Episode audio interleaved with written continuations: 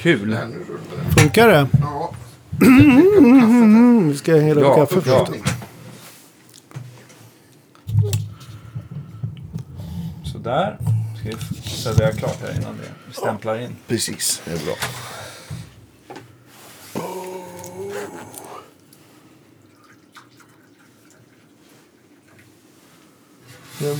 Rörtestare. Ja. Jävlar. Den är så sjukt snygg den där. Ja. Den där... Den där äh, Den där skulle man kunna ställa i en studio så, och så in bara tycker folk att det låter bra för att de tittar på den. Nej. Man, man skulle kunna... jag hade, veta vad fan man... Ja, jag hade en, en gitarrist från ett, vi kan säga ett känt band. Som bara, den där. Så pekar han på John bara, den där ska du bygga in eh, någon av dina stärkare i. Riva ut allting. Bara, nej, nej, nej, nej. Det- Jag hade en gammal tax ett gitarrack ett tag. Ja. Fast det blev så jävla drygt jag var tvungen att ta En taxameter! Det är ju skitroligt! Det var på den tiden det fanns roliga grejer att köpa när man var på turné. Så Ja. inte så gammal så satt vi den där. Ja. Vad slår på Ja, det, var, taxameter? det var liksom, jag känner igen. Det är underbart. Skicka fel signal. Det var inte alls Ja, det var skitroligt. skitkul. Ja. Åh, fy fasiken. Underbart med sådana Ja. grejer. Ja, den där är fullt... Eh, Kalle på LH renoverar upp den där så den är fullt fungerande. Och manualen sitter under. Ja. Men eh, ja, det är sällan jag har fått... Jag har inte tagit mig tid att använda den. Nej. Men John borde väl kunna ha användning för- den? Ja, Eller han köper ju bara nytt. Det är sällan han Ja, får in reparationer och ska prova Nej, gamla rör. Det där Liksom. ska du ju ha om du köper en batch. En gammal Gamla. med Just det. Ja. rör och Ja. så. Ja, just det. Finns ju sådana. Ja, men, eller så här hifi-nördar där allting ska vara så Ja, här det. matchat till, till sista promillen liksom. Då är det... Ja, men, matcha framförallt. Ja. Vara höger, vänster. Ja, just det. eller, eller att man tycker att ett rör i sin förstärkare lät så otroligt bra. Han hade ju hjälpt John Norum, vet jag, med, med, någon, med, något, med något rör som, som, eh, som lät så extra bra. Så skulle han kolla upp om man kunde hitta ett snarlikt då. då Ja. Som hade mätte på samma. Men det, Lyckades så? nej. Nej. nej, det var tydligen halvfel på det. Eller något det var därför det lät var bra? Ja, Ja. kan, Kan det vara vara. Precis. Då så. Vi kör! Vi kör.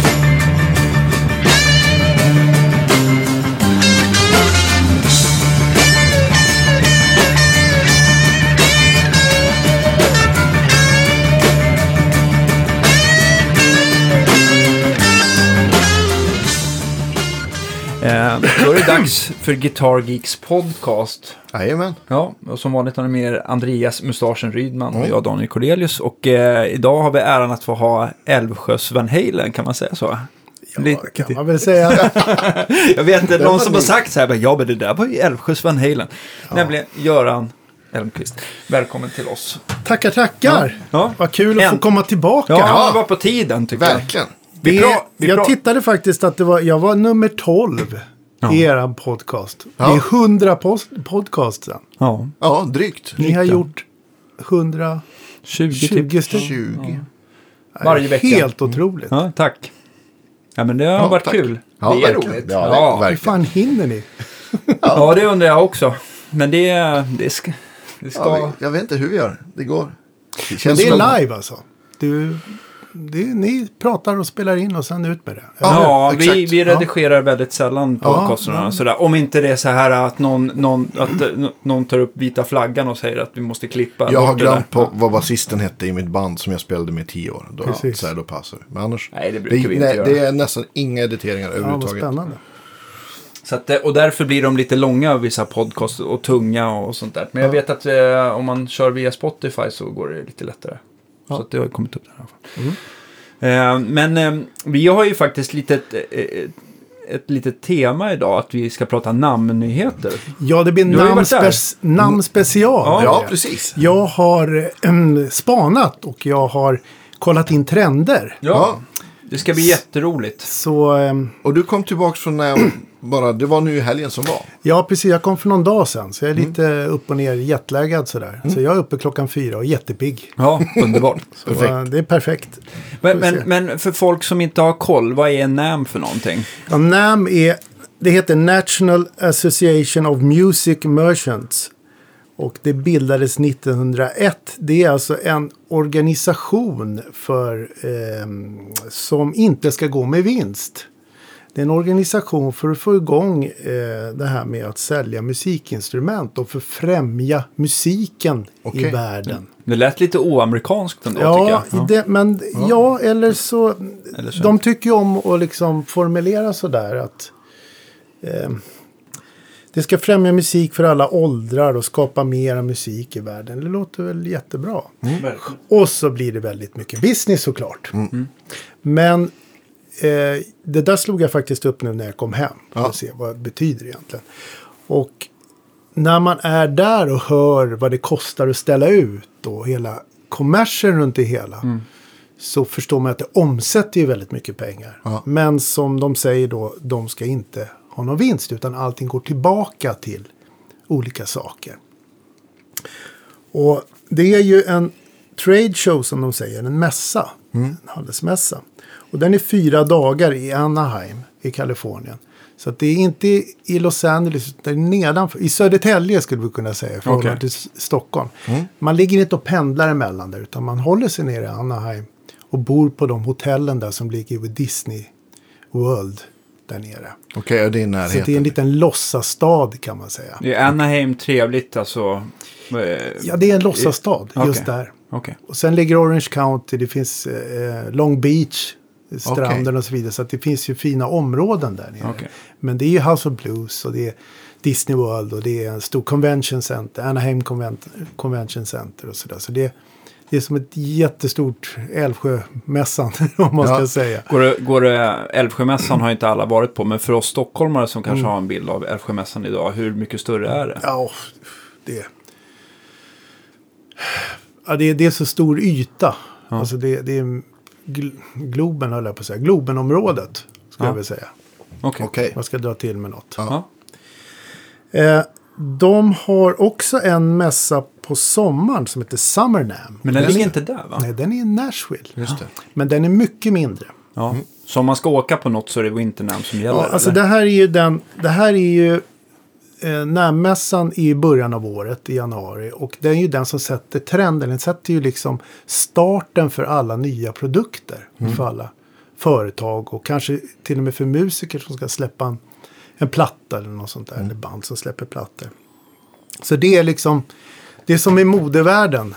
Eh, ja, han har byxorna bak och fram och skorna på huvudet. Och då, då är alla likadant resten Ja, av året. Och tycker jag, fan vad fränt. Det är ju två, ha skorna på fötterna, det är ju 2018. 2019, ja visst, så här ska det se ut. Ja, just det. Så att eh, man ser ju hur det här tar fart. Ja. Och för oss i Sverige så tar det... Idag går det lite fortare. Vi får ju se allting på nätet. Det är ju så många som åker och bevakar det här. Nej. Ja, visst. Men det tar en stund innan produkterna kommer till oss. Just det.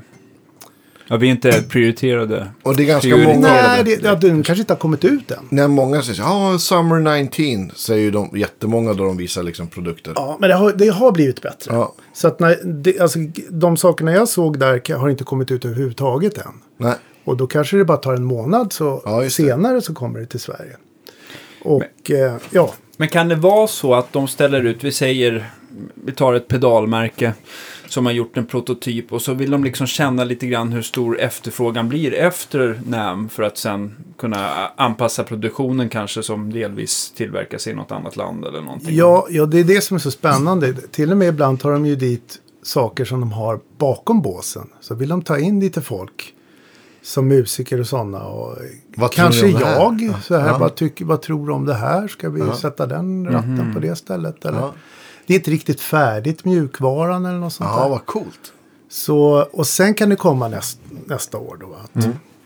På riktigt. Men, men eh, Så du får krypa lite under skinnet där på. ja, det är ju där, det, är precis varför är man där? Jag, jag är där för att jag ställer inte ut. Sound of Silence ställer inte ut Nej, såklart där. nej, nej. Det, det, det behövs inte på det sättet. Utan man har möten och sen så gör man kanske produktdemos. Man nätverkar, träffar de här konstruktörerna. De här personerna som verkligen har byggt de här förstärkarna och, och, och prylarna och uppfinningarna. Och så får man liksom ge feedback till dem och kunna ha, få deras eh, visitkort och kunna mejla dem och ringa dem direkt och liksom få en snabbare service än genom generalagenterna då som man kanske har i Sverige som inte har tid med sån support. Och det, där är det ju, det, det här vill ju de. Så att det är så himla kul att vara där och kunna liksom få se de här riktiga hjältarna, många av dem. Ja, det är ju visst. nästan idoler man har. Ja. Man, älskar prylar. Så. Ja. eh, så att det som händer på NAM det är att det är eh, de eh, man, man gör ju business, alltså eh, svenska och företag från eh, hela världen kommer dit och köper containrar med strängar och plektrum och grejer. Och, och, och bestämmer sig för hur mycket ska vi ta in till Sverige, hur mycket ska vi ta in till Europa och så vidare. Och då sitter de på möten hela dagarna. De personerna ser man inte. De sitter i de här, kanske bakom de här montrarna, i tvåvåningshus som står inne i den här mässhallen. Ja. Och de är så fruktansvärt upptagna med de här mötena. Så att de som jag träffar mest är de som är kanske artist relations eller Ja, sales och sådär. Så det är ju huvudsaken för det här. Nästa grej är att man ska visa sina nya produkter. Att eh, man ska få klämma och känna på de här och testa prylar. Men sen finns det också, jag tror det är uppåt eh, 4 000 olika event. Alltså det är föreläsningar eh, om allt va? och som har med musik retail att göra. Alltså hur kan du, hur kan du öka din försäljning på nätet? Hur ska du göra med din musikaffär? Utbildning. Och ni får ju tänka, alltså det är ju alla som kommer dit, de kan komma från, de kan vara ansvariga för liksom musiken i den här stora kyrkan i Texas. Ja. Och då ska de köpa in musikinstrument och så ska de utbilda sig. Så ska de ta med det här då till sin kommun Mm. och, och liksom passa det vidare. Så det, är, eh, det är jättekul att åka dit. Och har man någon form av kanske musikaffärsliknande business så, där, så finns det hur mycket som helst att åka dit och bara ta in. Mm. Och ehm, ja, Hur många utställare är det ungefär? Eh, vad sa de? Jag tror att det är, det är 7000 märken är utställare. 115 000 besökare.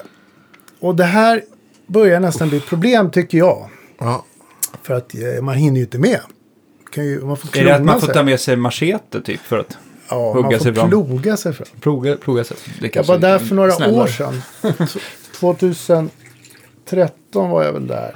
Eh, då, var det, då sa de att det var 50 000 besökare. oj. Det var också en tid när, när branschen var lite på nedgång. Det här med onlineförsäljningen hade slagit ut, slagit hårt på musikaffärerna i USA och sådär. Men eh, då, ja från det så har det liksom ökat upp då till, till över 100 000. Så att eh, det har bli, mässan har blivit större också. Men det är ju, det är så mycket folk. Men det, det måste vara att de har släppt på... att- Det kan inte vara fler butiker som åker dit, tänker jag. Utan det måste väl vara Besökare. mer privat personer och besökare och fans. Ja, det är från hela världen. ja. Så att Okej. det, är ju, det jag ser är en, en mer positiv anda och att affärerna, musikaffärerna har ryckt upp sig. Mm. Och det fick jag se på, för jag var på Guitar Center i West Hollywood Ja. dagarna innan. Mm. De har byggt om hela sin butik för flera miljoner dollar. Okej.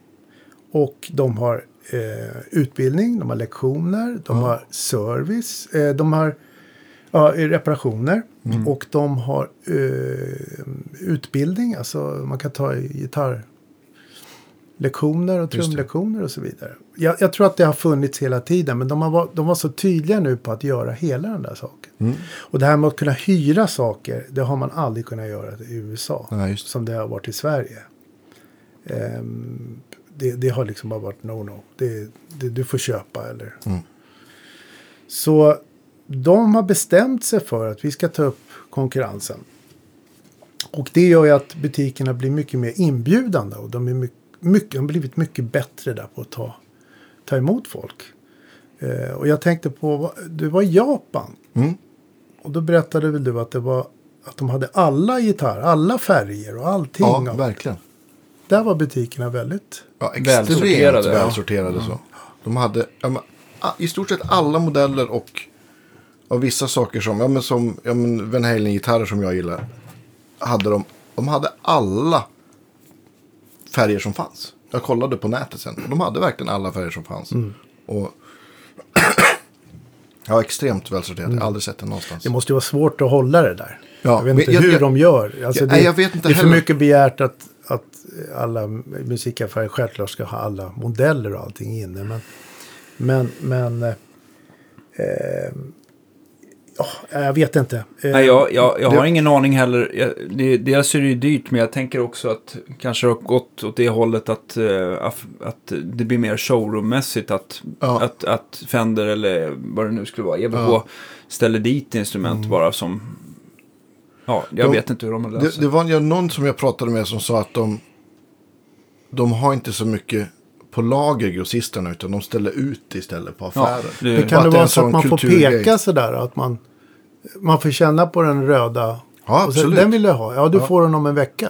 Kan det vara så? Ingen aning. Så kanske det kan vara. Man ja, kanske inte får ta med sig det exet. Utan, ja, ja, det vet jag faktiskt inte.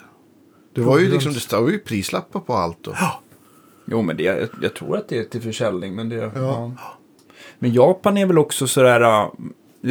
vad jag förstår, om det inte är tillverkat i Japan så är det ju oftast lite dyrare. Det är ju sällan att man åker dit för att köpa en, en custom shop Fender eller Gibson nej. sådär. Utan de allt har lite allt påslag. Fender, Gibson och ja, men jag såg med professorpedaler fanns nästan överallt. Och, Vad kostar en med professorpedal? Ja, men- Räknar om lite grann. Att, ja, men jag kommer inte ihåg nu. Jag gjorde det när jag var där. Men, Men det, du insåg det, att det var, var det var dyrare? ett par hundra dyrare. ja, ja, okej. ja. Jag tycker att det är ute på Ebay är det galna priser. Mm. Från, alltså det måste ju ha med, med kursen att göra. Men alltså det är ju, det, vissa saker från, från Japan är ju jättedyrt Mm. för oss. Eh, men ja, det, eh, Åter till... åter till NAM. Åter till Ja. NAM. men, men självklart finns det mässor där också. Det finns någon, jag, jag kommer inte ihåg vad den heter, men det, det är för, för den asiatiska marknaden. Finns Just det, det, det finns väl en i Kina va? Ja, Som jag vet Björn Juhl var på. Som är stor också. Absolut. En Ja. annan grej vad jag tänkte på varför namn har vuxit också är väl att, att eh, Frankfurt har blivit sämre enligt många. Att det är liksom färre utställare, många stora märken har dragit sig bort och liksom att det blivit dyrt och ja, det är inte lika intressant längre. Så det kanske, det liksom mycket har dragits intresse till NAM istället då för, för Ja, västvärlden i. Jag tycker, att, jag tycker att de har skött Frankfurt lite dåligt. För att när man går och tittar på gitarrer och syntar och trummor. De spelar man ju på. Det är musik. Det finns liksom ingen musik där. På kvällen i Frankfurt så är det något band som spelar någonstans. Men det, det, det är inget musikliv. Nej. På NAM är det ju helt fantastiskt. Alltså det är musik överallt. Det är scener på området. Det är konserter hela tiden. Alla promotar sina grejer. West Hollywood fullt med konserter och så vidare. Och det är bra. Ja. Det är okända band och det är allt från singer-songwriters till flamenco-gitarrister. Och allt vad jag kunde se där. Och det är superbra. Eh, och det tror jag att... Det kände jag att, att Frankfurt inte blev lika roligt att åka till längre. Nej. Eh, och eh, sen så tror jag att det var några som inte drog sig ur och inte ställde ut att det inte blev. Ja. Så, Sen har väl de Ett. legat ganska tätt varandra. Även om NAM har varit nu i januari så har väl typ Frankfurt varit i så här skiftet februari-mars. Eller i alla fall i mars Ja, för mig. Att, de liksom, att folk liksom väljer att släppa sina nyheter kanske spritt över året. Eller, Ja, eller se till att det kommer på NAM istället Ja. då. Så att det blir, det blir lite så här. Ja. nej, men det, det är ju det som, som, som NAM också har. Att de delar ut priser. De hade någon eh, She Rocks. Det var någon sån här. Eh, de ska dela ut pris för kvinnliga gitarrister. Och, Mm. eh, bästa, bästa produkt och, och Tech Mm. Awards och någon Les Paul. Mm, Peter Frampton fick pris Okej. i år. Mm. Så att Lifetime Achievement ja, Award. de typ. älskar sånt där. Ja, det, det är roligt. Ja. Det är kul. Det är, Ja. Så att, ja. Det finns så himla mycket att se i varje fall. Och göra. Så att man hinner inte med alltihop. Nej, det kan jag tänka mig. För jag, Sen- för jag, jag blev så Ja. nyfiken av, eh, av allt du såg eh, på mässan, var det någonting som du blev så här extra glad över eller nästan fick så här gåshud? musikmässigt eller? Nej, jag, jag tänkte mest på prylar. Eh, Ja, det kan vara musikmässigt jag, också. Jag har, jag har skrivit ner lite favoriter. Som jag Ja, vi kanske ta. kommer till det. Ja. Vi kanske ska göra det i tur och ordning Men här. gåshuden kommer nog på de människorna man ser där. Ja. Alltså när, man, när Steve Vai kommer gående och står och gör en video för sin gitarr och sen så så kom, och där kommer han, vad, vad heter han nu igen? Och där är han och där är han. Ja, och det liksom, det är alla Frank Gambale och sen är det Eddie Kramer. Ja, ja, Eddie Kramer. Ja, Eddie Kramer var jag på en föreläsning. Han pratade om Jimi Hendrix. Det, det skulle vi kunna ta ett helt podcastavsnitt. Ni får ta hit honom. Ja. Han hade, har föreläsningar om sina inspelningar med Jimi Hendrix. Och de släpper en Shit box. vad intressant. Så jag gick på en av dem. Ja. En timme. Och så berättade han och visade bilder. Fantastiska bilder från, från inspelningen.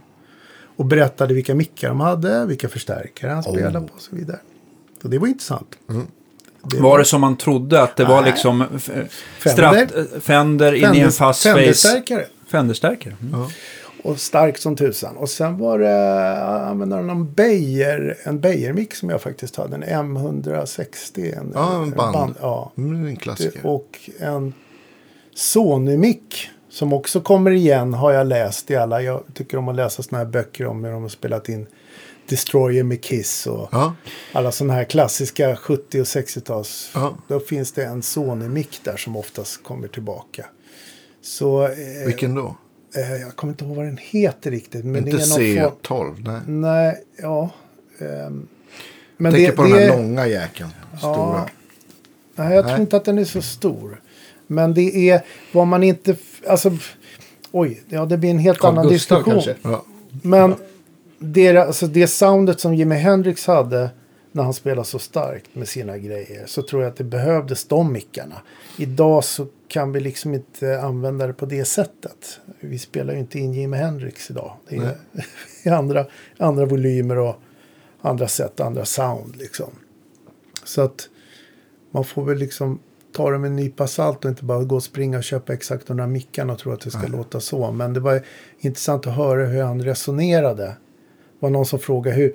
Ja men det brummar ju... Nej, det, det brummar inget problem. Nej. Det tyckte jag var jobbigt.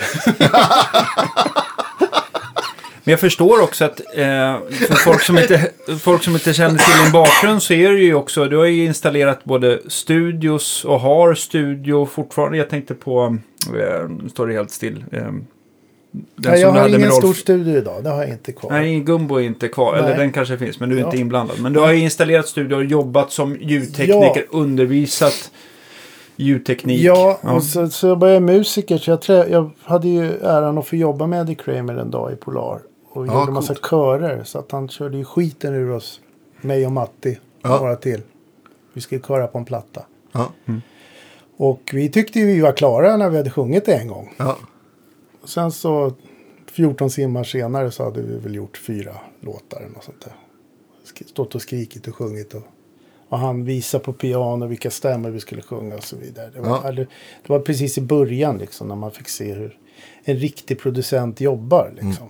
Och, och, ja, han, han hade precis gjort Alcatraz-plattan med Steve Vai också. Så att man höll ju på att kissa på ja, sig. herregud. Så han gjort Kiss och så Jimi Hendrix. Ja. Och så vidare. Ja.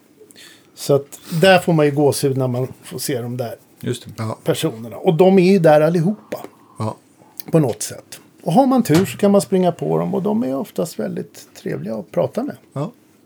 De är, En klassisk amerikan kanske. ja, Ja.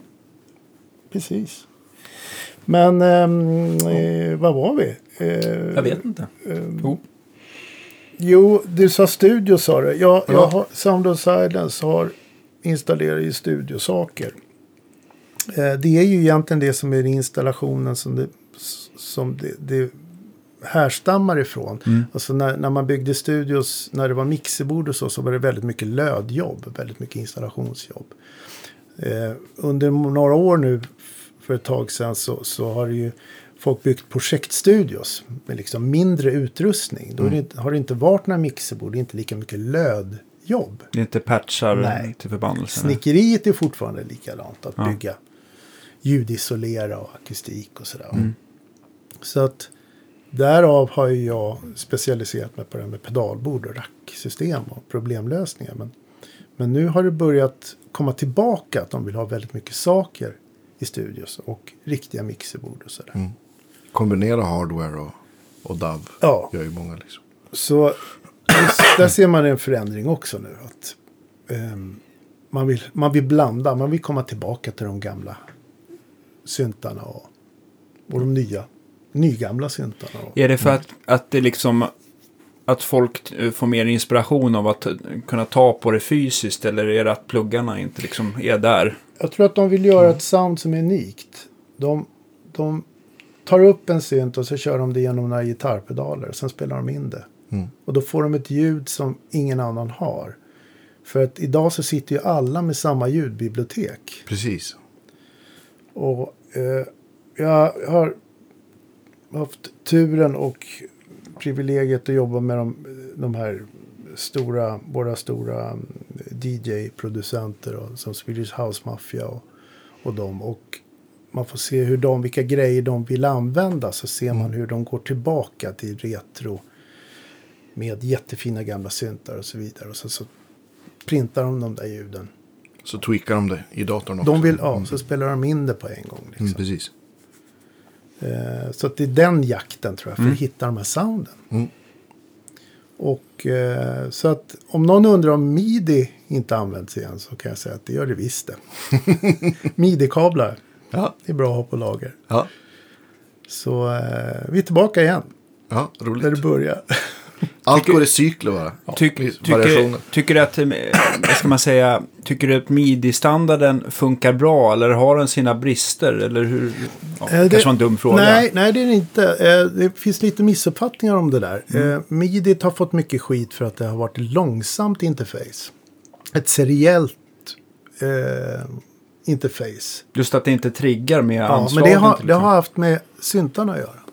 Så Ah. det finns vissa, några Roland-syntar till exempel på 80-talet där som var väldigt sega. Och det är i synten som det är problem. Någon processor okej. som Ja. är... Ja. Så att midit, midit finns, har alltid funnits där i bakgrunden. Och speciellt för oss gitarrister med våra, kunna styra och byta program på en Ja, ja, visst. Eventide H9 eller något sånt där. Det går ju fort. Det är ju Ja, liksom något herregud. Det går svinfort. Ja. Men nu håller de på med Midi 2.0. Så de höll på att utveckla det här. Jag tror att det har med liksom själva kabeln och själva överföringen att göra. Midit finns ju med USB-kabel Okej. från din dator. Mm, Just det, men man använder inte den här klassiska DIN-kontakten så mycket längre eller? Nej, ja, den, den kommer ju tillbaka i, i syntarna och eh, i, i pedalerna. Okej. Men det finns också Ja, just det. USB-kontakter. Det finns vissa fördelar och nackdelar med de där grejerna. Men, men de vill få upp hastigheten på det där. Och så att kommunikation eller gränssnittet ska gå fortare. Liksom, att kunna föra över information och sådär. Eh, så att ibland så kan det vara segt med midis, midi-prylar. Så om man lägger flera midi-pedaler efter varann, alltså in i den ena, ut i den andra med midi-kablar. Då kan det bli lite segt för den sista pedalen att switcha om.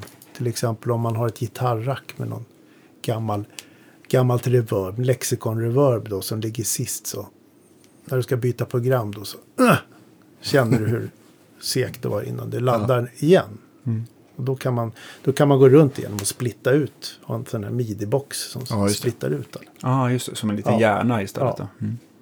Så att, eh, det är ganska logiskt. Det blir liksom för lång, lång sträcka. Mm. Det blir för segt. Så att, eh, och sådana där, ja, sådana här midi-föreläsningar och sådana här tekniska föreläsningar finns ju också på mässan väldigt mycket. Men, men det är mest musik och eh, Nya prylar. Ja, eh, det finns andra teknikmässor, liksom AAS och IBC och de här som håller på med att titta på f- liksom kameror för, för eh, film och för eh, broadcast, broadcastmässor och sånt. Va? Men det här är, det här är väldigt mycket musikinstrument. Och speciellt gitarrer då. Mm. Men innan man kommer till gitarrerna så måste man ju gå igenom de här hallarna. Jaha, okej. Där är andra instrument. Mm. De vi bråkar med. Vill ni Men- höra ett ljudexempel? Ja, ja, ja. Metronomhallen kan vi få. trycka på CDn här. Ja, varsågod. Se om du kommer in. Nej, det ska nog, den har nog slagit av Den har sig. slagit av sig. Ja, Tryck sorry. paus. Tryck. Ja. Ta från början. Den är strax igång när den slutar lysa rött där nere. Ska vi se. Nu. Så, nu.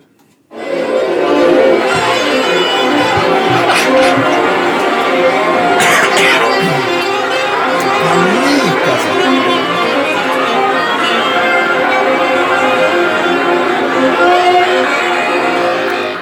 Så där låter ju friformjazz i mitt huvud. Det var blåsavdelningen. Ja. det är de här killarna som spelar saxofon. De som vi brukar stå, de brukar ju stå bakom oss när vi spelar gitarr på scen. Och blås. Så att, eh, ja så lät det där. Eh, jag förstår inte varför de bråkar på oss gitarrister att vi spelar så starkt och så vidare. Men, eh, ja, Nej, då har sen, man aldrig stå- stått bak framför en trumpetare. säger Nej, precis. och sen så går vi in i nästa hall då. Ja, absolut.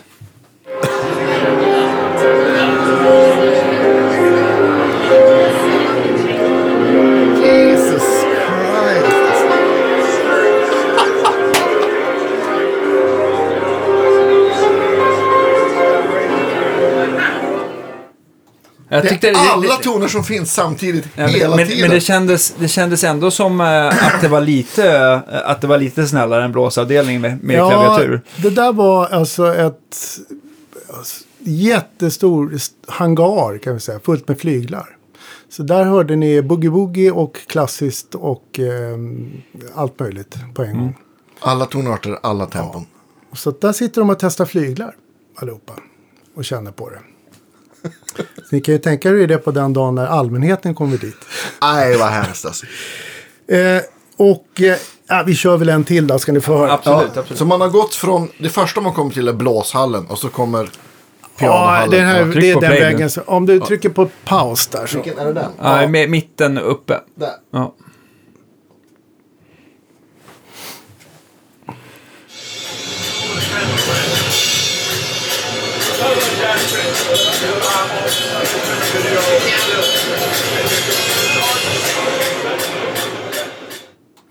Det där var, Det är bara symboler. det eller? var Sabians vägg. Det är en vägg som är ja, 20 meter upp hög. Fullt med Sabian-symboler. Jaha. Market Sabian. Och så är det en kille som sitter och knackar symboler. ah, Så att man får se hur han, hantverket. hur Liksom. han slår symboler. Och ja, trumavdelningen är ju hemsk. Alltså symboler är ju djävulens instrument. det borde ju förbjudas. Och Nej, men det, det, ja. en trummis utan hi-hat. vet du. Ja, ja men vad tusan. Jag tycker, jag tycker det är orättvist. Björn, Gitarrister Björn, får bara eh, skit. Björn Ulvaeus hade något där. Ja. Han har också sagt något om Ja, symboler. men han, han, ja, men det berättade Roger Palm för mig. Där de, han, han brukade plocka bort symbolerna där de spelade in ABBA-låtarna. För han gillade inte symboler. Nej. Han tyckte att de bara tog plats. det finns ju några sådana här plattor. Alltså Peter Gabriel gjorde Lyssna någon på platta. och Dancing Kate Queen. Bush. finns inte en Nej. hela låten. Ja, Ja, det inte, ja, nej, du, jag tänkte på det med. det finns några plattor som inte var några symboler på. Ja. Kate Bush gjorde, eller Peter Gabriel gjorde en platta utan symboler. Okej. Och så gjorde Kate Bush likadant. Så att det var nog en sån här tid när de ville, det blir mjukt och fint. ja. Att tamburin ligger risigt till också. Så. Ja. Men ja, vi börjar närma oss gitarravdelningen då. va? ja. Där är lite mer ordning och reda. Där spelar ju alla liksom en åt gången. Alla spelar i E. Alla testar. Vi kan köra ett ljudexempel till på en gång. Ja, Så absolut. du trycker paus där. Ska vi höra på vad, vad som händer.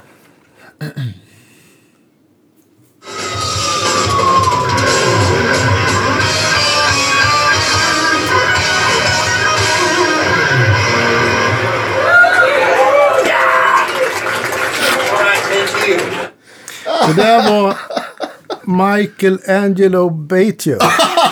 Ja, jag vet. Vad Han- taskigt jag är bara skrattar. Var det dubbelhalsat? Jajamensan. Det, ja, det där, det där var inte dubbelhalsat. Men han är känd för sin dubbelhalsade halsade gitarr. Alltså en hals åt ett håll och en annan hals åt den andra hållet. Eller så varje hand. spelar han liksom uh, unis på dem på något sätt. Eller han kan väl göra stämmor också. Men han kör bara legato och det går fort. Ja, en mässa utan honom går ju inte att ha. Nej, men det...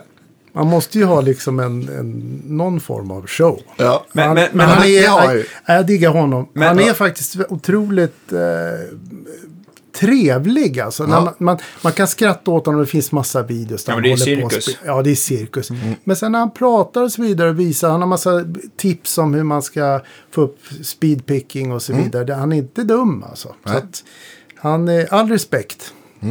ja, vi pratade ju om honom så att...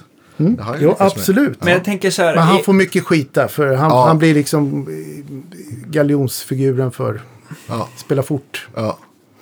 De kanske Yngve får också ibland. Ja, det är inte jo, orättvist. Jag tänkte på, är någonting som, jag tycker ändå så här piano och symboler, eh, och det, det kanske är värre med saxofon, men jag tänker någonting som jag skulle nog ha ännu svårare för, och då hade det nog varit någon stråk där det ändå så här, även de duktiga kan, pitchar ju inte alltid till Nej. 100% och det där kan jag känna att det borde kunna liksom skära i, genom Ja. ben och märg. Nej, alltså det, nu ska jag inte avskräcka er. Men det är klart att det blir så här när de lägger fram alla instrument. Men de har ju bås och de har ju små konserthallar. ja. Så att när man går in i Gibsons, eh, till exempel Gibsons hall. Då kan man sätta på sig på hörlurar och lira och, och, Ja, och testa och sådär. Så det finns ju det finns vissa sätt att testa. Eh, jag kan väl tycka att det är svårt att riktigt testa vad grejerna går för. Man kan känna på dem. Eh, man kan känna hur gitarren känns, hur tung den är och hur balansen är och sådär. Men man vet ju inte riktigt hur... Det är svårt att liksom göra ett uttalande om någon förstärkare eller något sånt som står i en, i en, på en mässa. Och så är det ju på de flesta mässorna.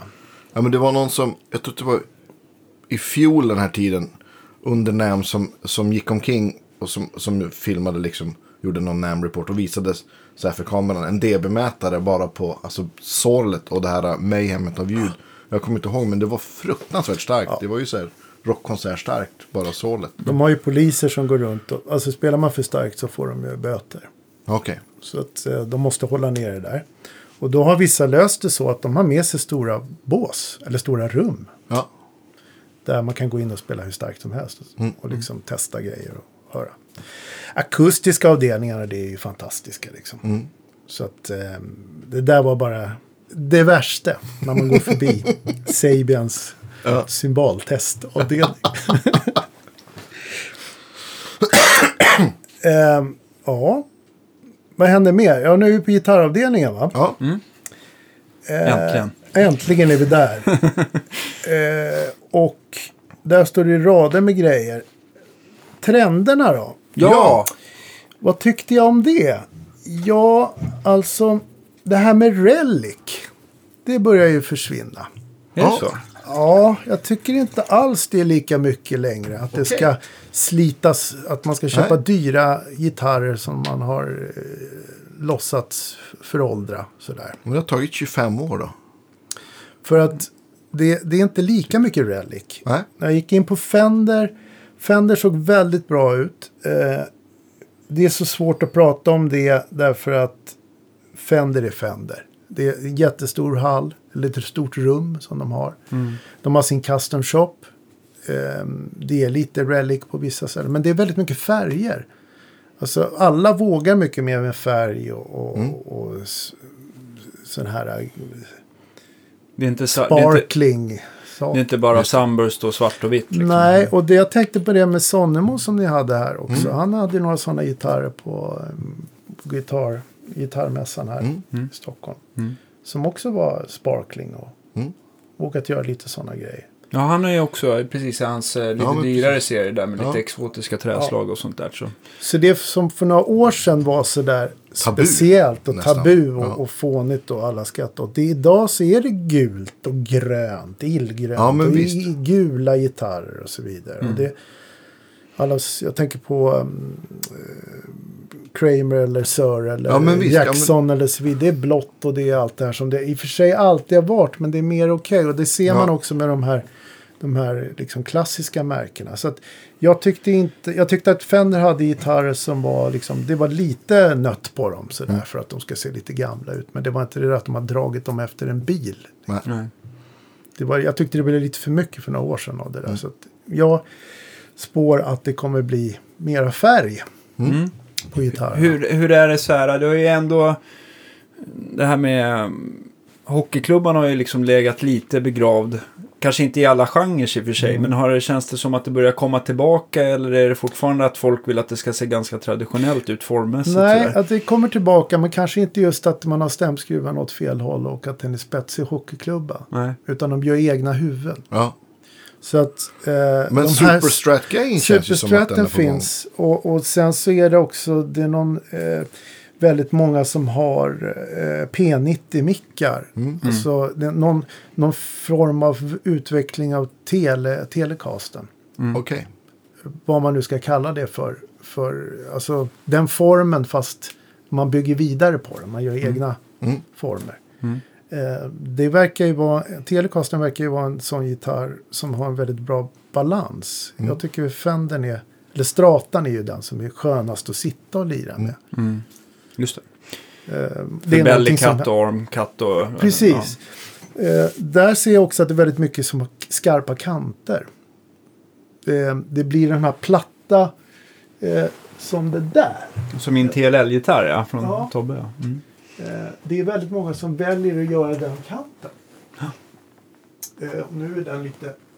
Du har lite rundat på baksidan. Ja, precis. Jag har ju, det är ju utskuret lite från Ja. magen där. För att jag tycker telen... Jag är så, jag är så, så nära till rebenen så att jag tycker, Mm, att, jag ja. tycker att det är skönt när det, när det är lite, när det är lite avfräst eller avhyvlat kan man väl Mm. säga på baksidan.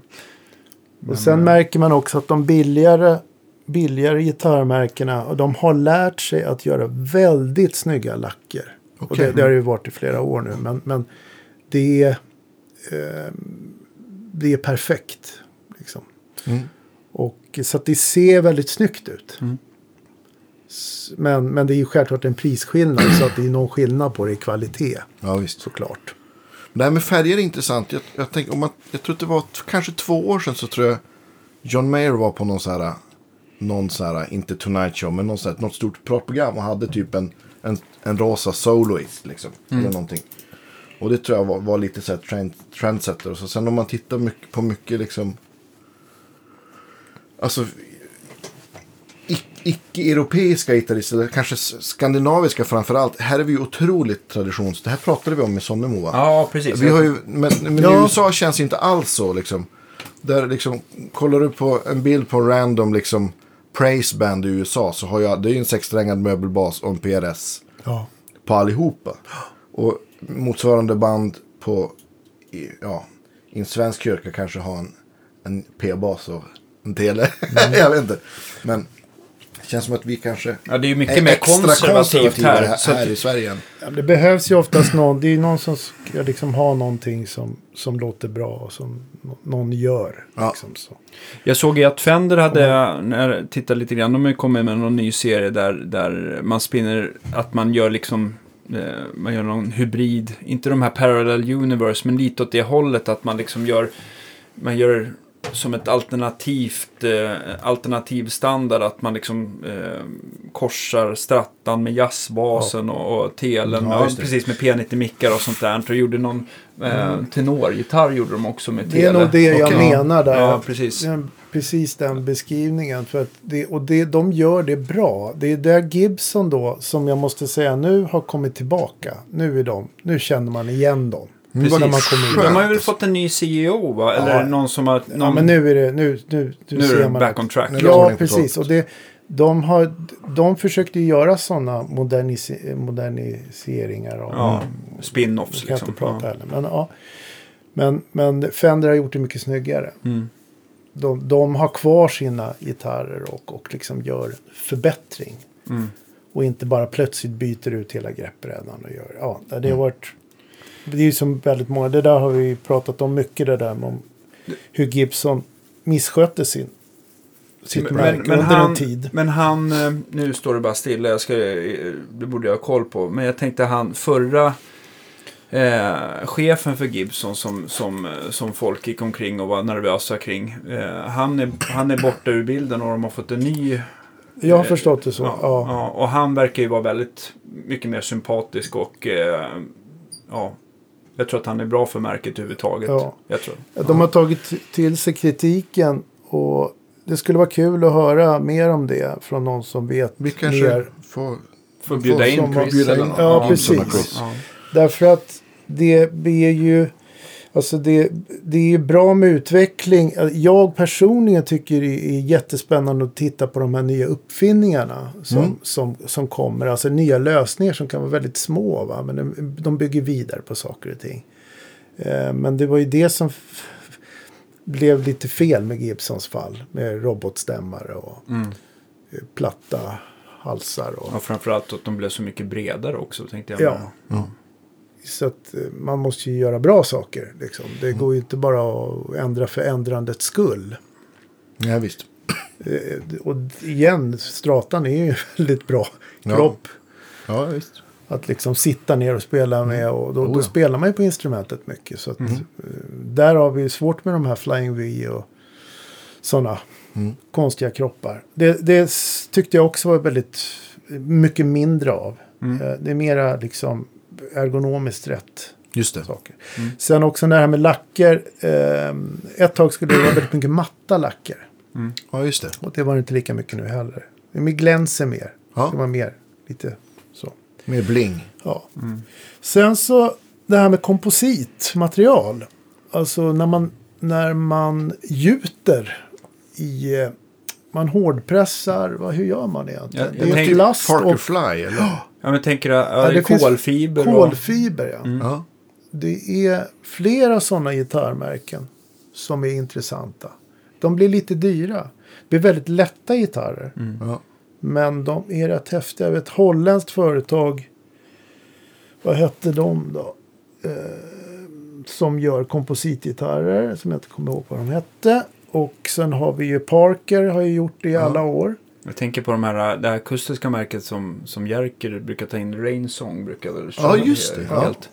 Flaxwood finns Flax, finns just, det. just det. Mm. Eh, och det är ju någonting som eh, de skulle behöva komma ner i pris bara. Mm. Eh, Det blir ju lite för dyrt och speciellt. Mm. Lite konstigt, de är så lätta. Det är Ja. otroligt spejsat. Men, men eh, är det att man ser, för jag, vi har ju pratat i flera avsnitt det här med det här att det börjar bli problem med Rosewood-exporten och Ebenholts och sådana här lite mer exotiska träslag.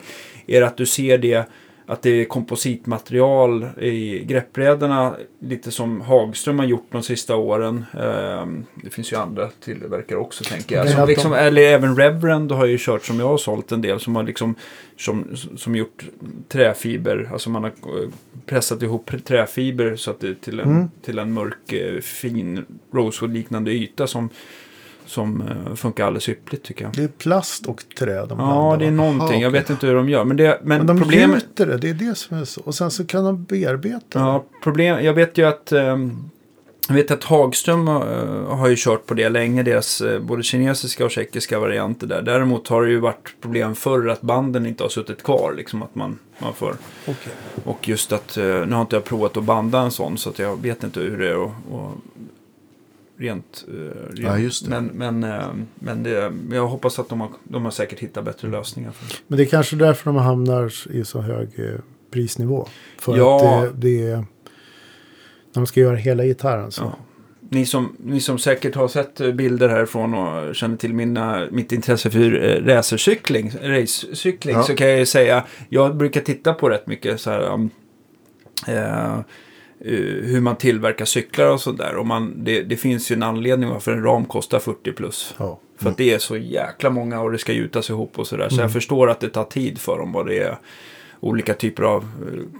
eh, um, ja, de där, gram, kommit- de där grammen kostar pengar helt Ja. enkelt att få till. Men har det kommit fler märken som använder Ja, det var kompositmaterial? det, det var det jag tänkte. Att, att man ser att eh, det, de vågar mer. Ja. Göra så. Sen så på akustiska sidan så är det sådana typ det, är det som jag ser att många gör nu att de by- bygger in effekter i akustiska gitarrer. Så att det är reverb. När du sitter och spelar så här så blir det reverb. Ja, just det. Var det kul eller, eller gick det Ja, inte att få det, en är såna, uppfattning? ja, men det blir sån här grej. Det kanske är bra att ha. Ja, Eh, men, men eh, det är en trend av Ja. att någon har kommit på hur man gör. Och sen så är det fler som gör. Så, bland annat Yamaha. har Just det. Så att du sitter i, knä, sitter i soffan och spelar på din akustiska gitarr och så blir det reverb, kyrk, Vad En härligt. Det är en sån liten, uppåt med reverb då. det är en sån här Nej, liten Fender Reverb-tank som man har vänt upp och ner. Nej, jo, det är värre ändå. Det är liksom, ja, det är ju digitalt då. Ja. Så att det är coolt. Men det måste ju vara en högtalare då också. Ja, det är så den, den, Eller? Ja, det är en mick och en högtalare. Sen så kommer det ur gitarren kommer det här reverbet. Jag vet inte hur de gör. Det är något amerikanskt. Ja, jag får lite panik vad jag tänker på det. Tänk att spela in en sån. Ja. Eller kanske är kul, vad vet jag. Det kanske påminner... Jag älskar ju det, reverb kanske, i och för sig, Det men- kanske, jag menar, det kanske, nu har jag äntligen fram, alltså, nu har jag äntligen, äntligen tiden kommit ikapp. Jag kommer ihåg min, typ min första dag när jag jobbade, började på Deluxe. Det här är ju det är många, många år sedan. Men, men eh, då kom det in en kund och köpte en akustisk gitarr, gick hem. Mm. Så kom han tillbaka typ dagen efter och bara, vad fan, det är fel på den här gitarren. Så bara, ja men jag, jag, låt mig titta på den så här. Så vi bara, det, liksom, det, det funkar inte, så pekade han på, på mic preampen då. Så jag gick rakt till provrummet, kopplade in och bara allting funkar hur bra som helst. Batteriet och stämapparaten, allting funkar. Och sen så liksom kom jag tillbaka till honom. Nej men den funkar jättebra. Det, blir liksom, det är inget fel på den här. Han bara, men lyssna här. Och sen så spelade han lite grann. och så började han ändra på reglagen. Alltså oinpluggat. Och bara, det blir inte mer bas och vara skitupprörd. Han hade rätt. Ja, han hade Ja, idag skulle jag vara före sin tid. Ja, gulligt. Men nu Då, är det är precis vet så här när man rodnar i ansiktet. Man liksom så här bara, ja. Fast jag försökte vara, man får, får ju, Ja. man blir inte, ja. Nej, Ja. Men det, det är bara, nu är vi där. Nu, Ja, nu är vi där. Ja. Du behöver inte koppla in grejerna längre. Men det är väl 15 något år litet, senare. litet batteri som sitter i Ja. där. Men, eh, ja. Ja, men det finns ju sådana här övningsrum med inbyggda reverb som, som folk, det har liksom kollegor som är blåsare som har, Ja. har hemma. Sådana här, Aktiva tonväggar. Ja, men precis. Som, som ska kunna öva och spela in hemma. Liksom. kan man skruva på reverb. Roligare att stå än i ett helt dött rum. Det förstår jag verkligen. Om man spelar. det kanske är så här rörsystem som liksom leder ljudet till ja, flera, flera Ja, meter. men det är högtalare i taket. Okej. Ja. Ja, right, right. Vad har vi mer? Ja. Vad har jag skrivit? Jag Jo, men tänker, vi var på trender och gitarrer. Ja, var vi- förstärkare. Ja, Förstärkare. förstärkare. Jag, förstärkare. Ska, är, är- jag tänker så här, trenden har ändå varit det är så här, i många år att folk vill att det ska bli mer portabelt och lätt och att det ska vara... Så är känt- det. Så är det. Lunchbox har jag skrivit. Mini. Rack. ja. Eh, där är man liksom. Det, Mm. det ska vara litet och du ska kunna ta med dig grejerna. Det är nästan så att de här digitala Kemper och Axe-effekt att det är lite stort idag. ja okej. Så alla försöker göra saker och ting så små som möjligt. Eh, och, och det går också att göra det. Så det, det tycker jag är väldigt bra faktiskt. Ja. Eh, däremot så... Eh, vad skulle jag säga där? Jo, lun- lunchbox, om ni vet vad jag menar. Alltså Ja. de här små förstärkarna som man lyfter då. Eh, det var Men några typ klass D-steg, alltså att man har ett digitalt steg Nej, för att nej komma... men Nej. alltså små Nej, alltså, förstärkare. Alltså, Ah, små Marshall, gör en sån. Ja, just, varianter, just, liksom. just det. Ja. Ja, precis. Eh, Men Voxio var ju tidiga med den också. Ja, de precis. var, ja, precis. De var väldigt tidiga med det. Orange var tidiga med att göra en bra sådana. Och sen Mitt- har alla hängde på det där. Men, men Mm. idag så ska alla ha en sån stärkare. Alltså alla stärkarmärken har en liten variant. Precis. Och det, är, och det är en rörstärkare som väger under 10, 10, 10 kilo. Ja. Ja.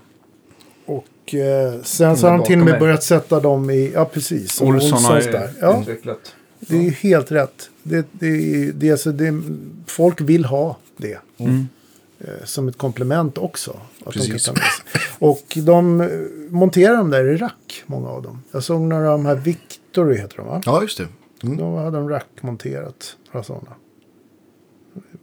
De är intressanta, tycker jag. Så rack- rackformatet är liksom inte dött i gitarrvärlden? Nej, utan- därför, det, till slut när du har den där lilla lunchboxen och ska ha med dig den så måste du ändå montera den någonting om du ska skicka den på bandet eller så vidare. Du kanske vill kunna bara ta bort locket och spela på en gång. Men Ja. inte lägga den i ett case. Så då, då är vi tillbaka i det här racktänket igen. Just det.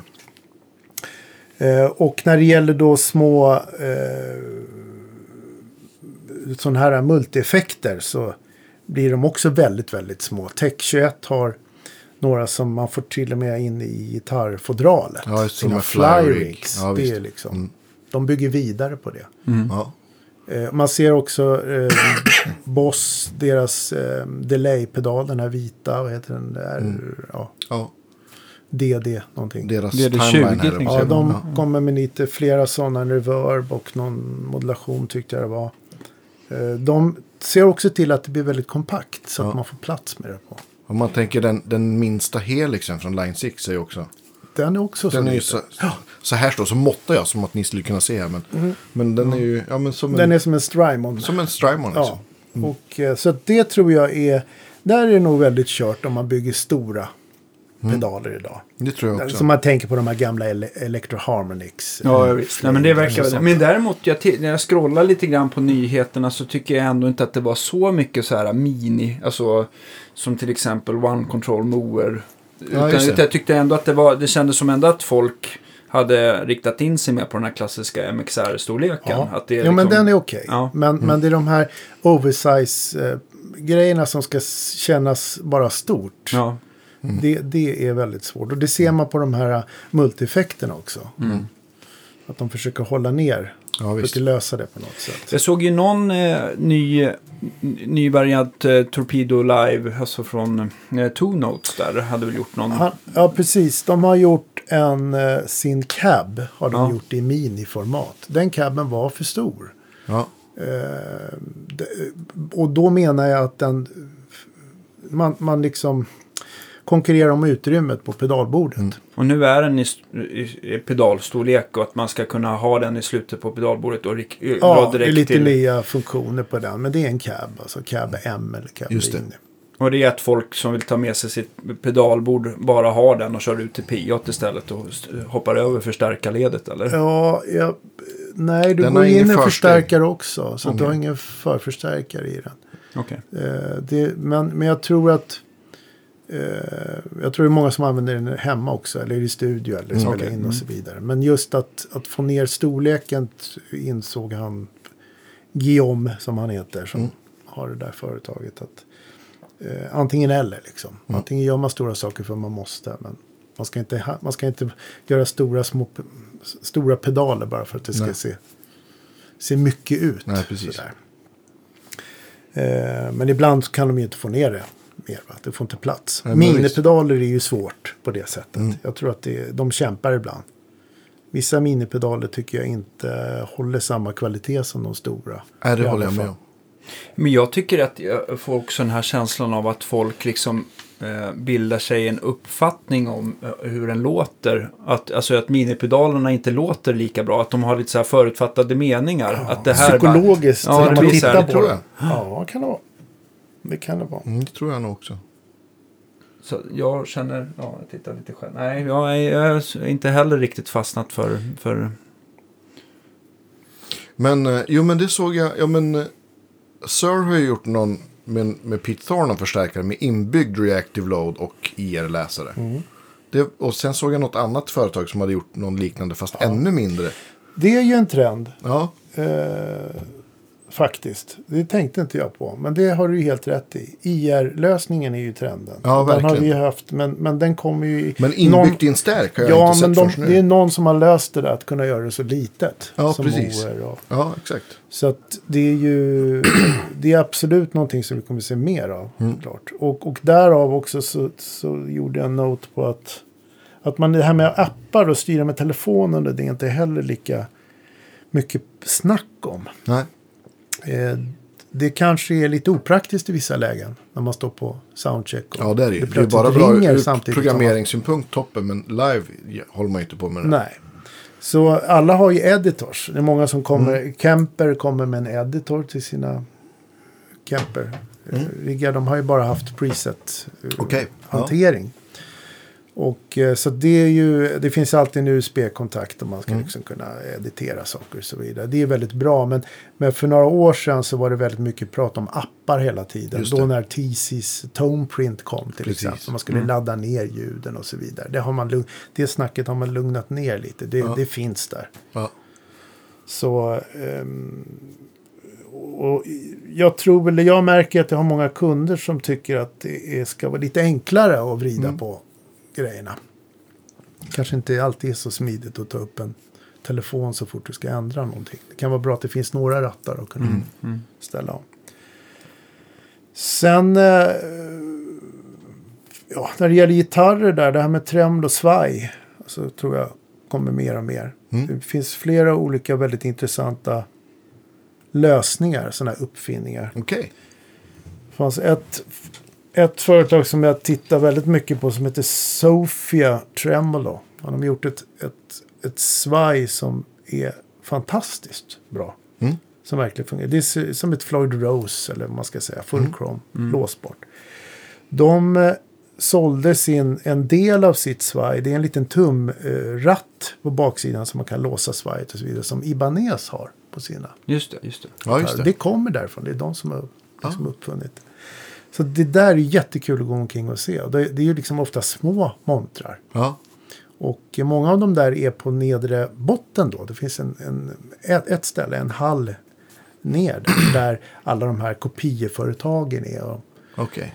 s- billiga stämapparater och så här, lite skräpprylar och sådär. Men det, där finns de här uppfinnarna. För några år sedan där så, så var han Spider Capo. Ja, just det. Som jag Ja, precis. visade Ja, jag dig där. Ja. Ja.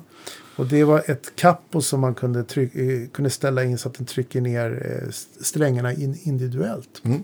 Det är. Och han började där nere. Och det, han säljer ju väldigt mycket sådana kappos idag. Så det är ju jättekul. Mm. Ehm, ja, sen de flesta, vad ska man säga, rätt generellt så ska ju alla göra fler modeller. Va? Det, som Strymon har sin nya Delay, Echo. det. Det var ju och för sig Magnetic- inte så litet va? Och, Nej, det är väl samma som deras storlek. såg nästan större ut på bild. Men det, du har nog Nej, jag rätt. Du har ju det var- satt det in Ja, IRL. IRL.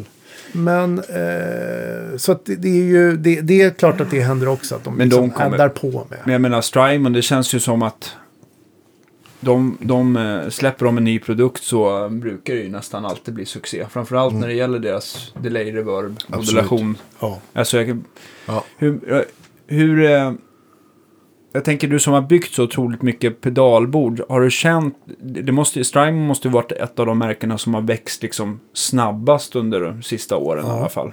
Att man nästan, Det, nästan ser dem det, jämt. det är det absolut. Eh, jag märker att det är många som ibland prioriterar att de tycker att grejerna är för stora. Mm. Och då tar de något som de kanske inte tycker om lika mycket men de måste vill få in fler pedaler. Mm.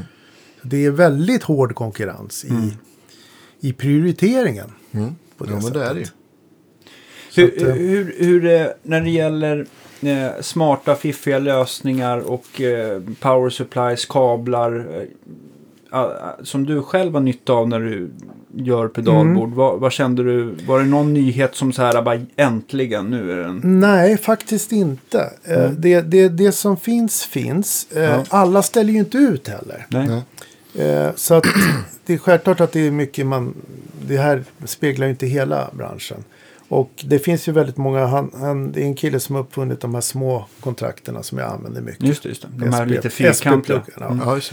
Men han, han säljer så pass mycket så han är inte där. Liksom. Han, behöver inte, han, han, han är där men han gör, har möten. Ja. Han ställer inte ut. Eh, några fler som inte ställde ut var Sir. Okej. Schecter ställde inte heller ut. Schecter var jag uppe och besökte. De hade ett, ett rum. Där de hade alla sina möten och så hängde det deras senaste gitarrer där. Och sen hade de ett jätteparty. Så Otippat att använde de. inte. Ja, de använde sina pengar på det sättet. Ja.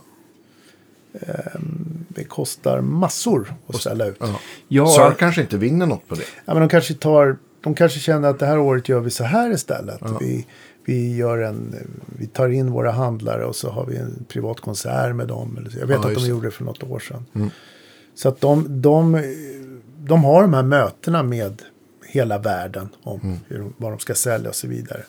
Men man fick inte klämma på några nya Nej. sörgurer eller något sånt. Alltså, vad jag förstår, om man bara ska prata om hur dyrt det är att ställa ut på, på närmässan så är det ju liksom inte bara att själva din yta som du hyr är dyr. Utan du ska liksom betala för att de ska dra fram el och elen kostar. Och det är folk som ska hjälpa dig att bära och monteringen och du måste fixa all... Många Du åker väl typ till Ikea du och får köper. inte göra någonting heller. Det är någon Nej. Jaha. Just det. fackföreningsgrej där att under när mässan är öppen så får du inte börja flytta din montervägg eller Oj, bära vattenflaskor och så vidare. Utan det ska, liksom, det ska alltid vara någon som kommer dit och gör alla de här momenten. Runt som har med. och, och det kostar. Ja, det var, jag hörde en summa var liksom, det började, var det, 50 000 dollar för en ganska stor monter i och för sig. Bara för att ja, få in ljus och matta och hyra delen och sådär. Jesus. Men det är, men det är väldigt bra reklam. Alltså, ni får tänka på alla som kommer dit från hela världen. Och alla, allt, alltså Ja. genomströmningen och alla videos som är och så vidare. Så, att, Visst. så att, eh, det har varit snack om att, att många har liksom inte velat ställa ut på mässor och sånt där. Men det märker man ju inte här. Det är ju åt, helt åt andra hållet. Det är väldigt många som ställer ut.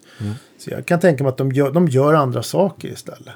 Det, är- de kanske ett år när de inte har så mycket nyheter heller. Nej men precis. Det. Mjukvaruföretagen har ju det problemet ibland. De Ja. släpper en version 2.5. Spectrasonics till exempel. Ja. De har jättefin monter och sådär. Men, men de har liksom inget nytt kanske att prata om direkt. Sådär. Nej. Eh, så att jag, jag springer omkring och tittar på mixerbord och pratar med Mm. ljudkort och sådana där saker också. Som, som, där det händer väldigt mycket. Men, men eh, eh, det, det var inte någon sån här revolutionerande ny grej. Eh, det året när Kemper kom så, så kunde man testa Kemperstärkan och det hängde en gitarr och så, så var det hörlurar. Och så, Mm. Vad är det här för konstig låda?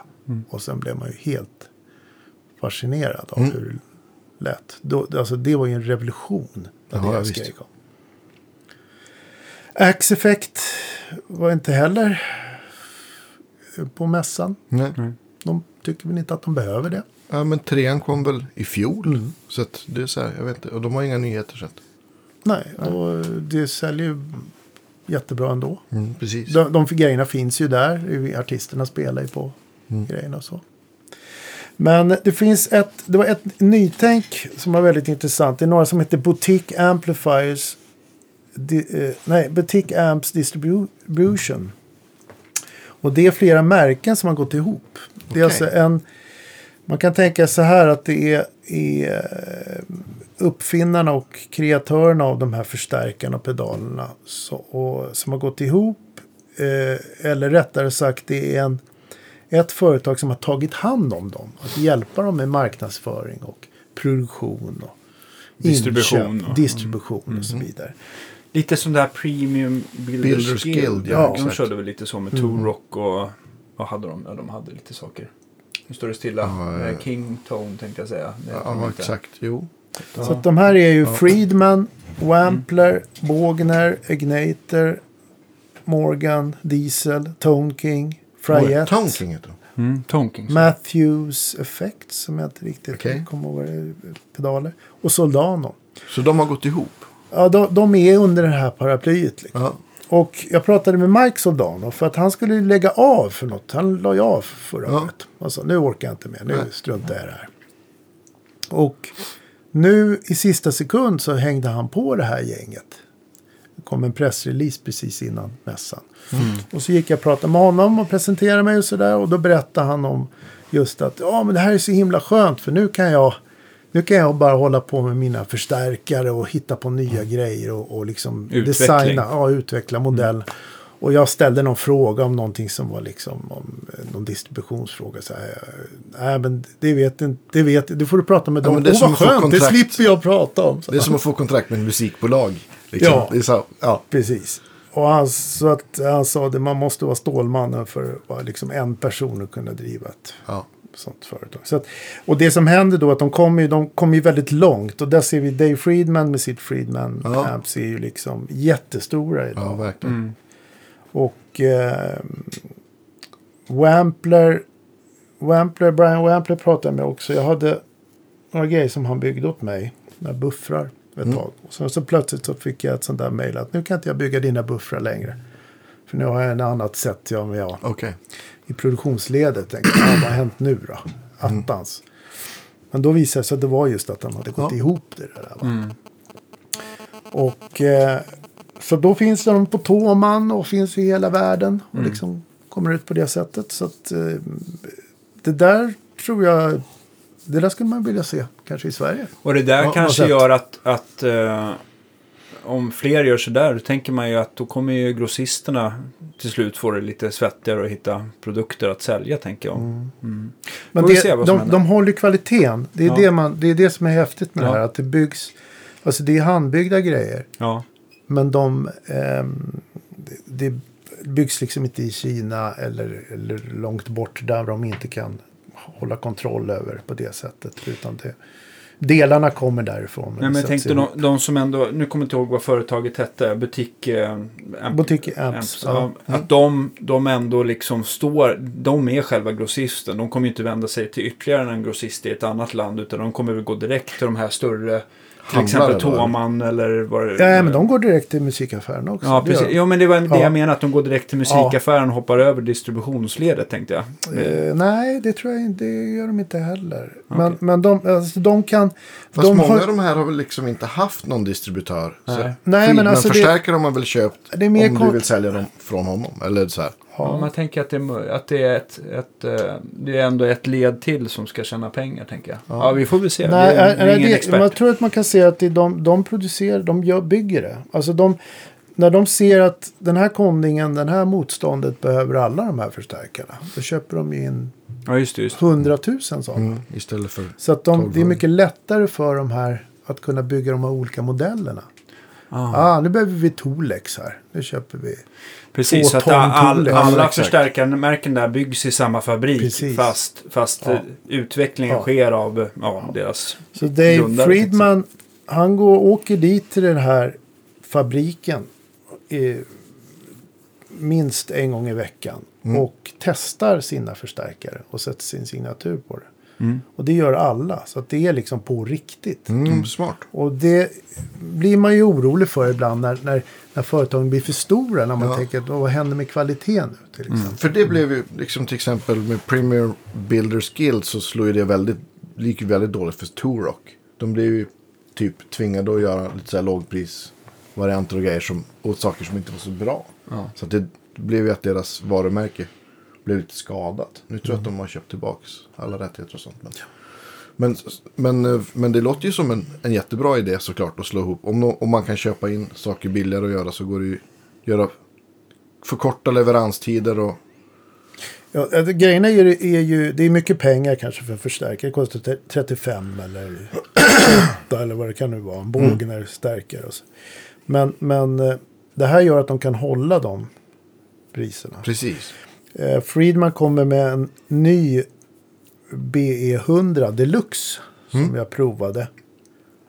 Eh, Var den hjärtat i halsgropen. Men den, då blev jag jätteglad för den lät precis som den andra.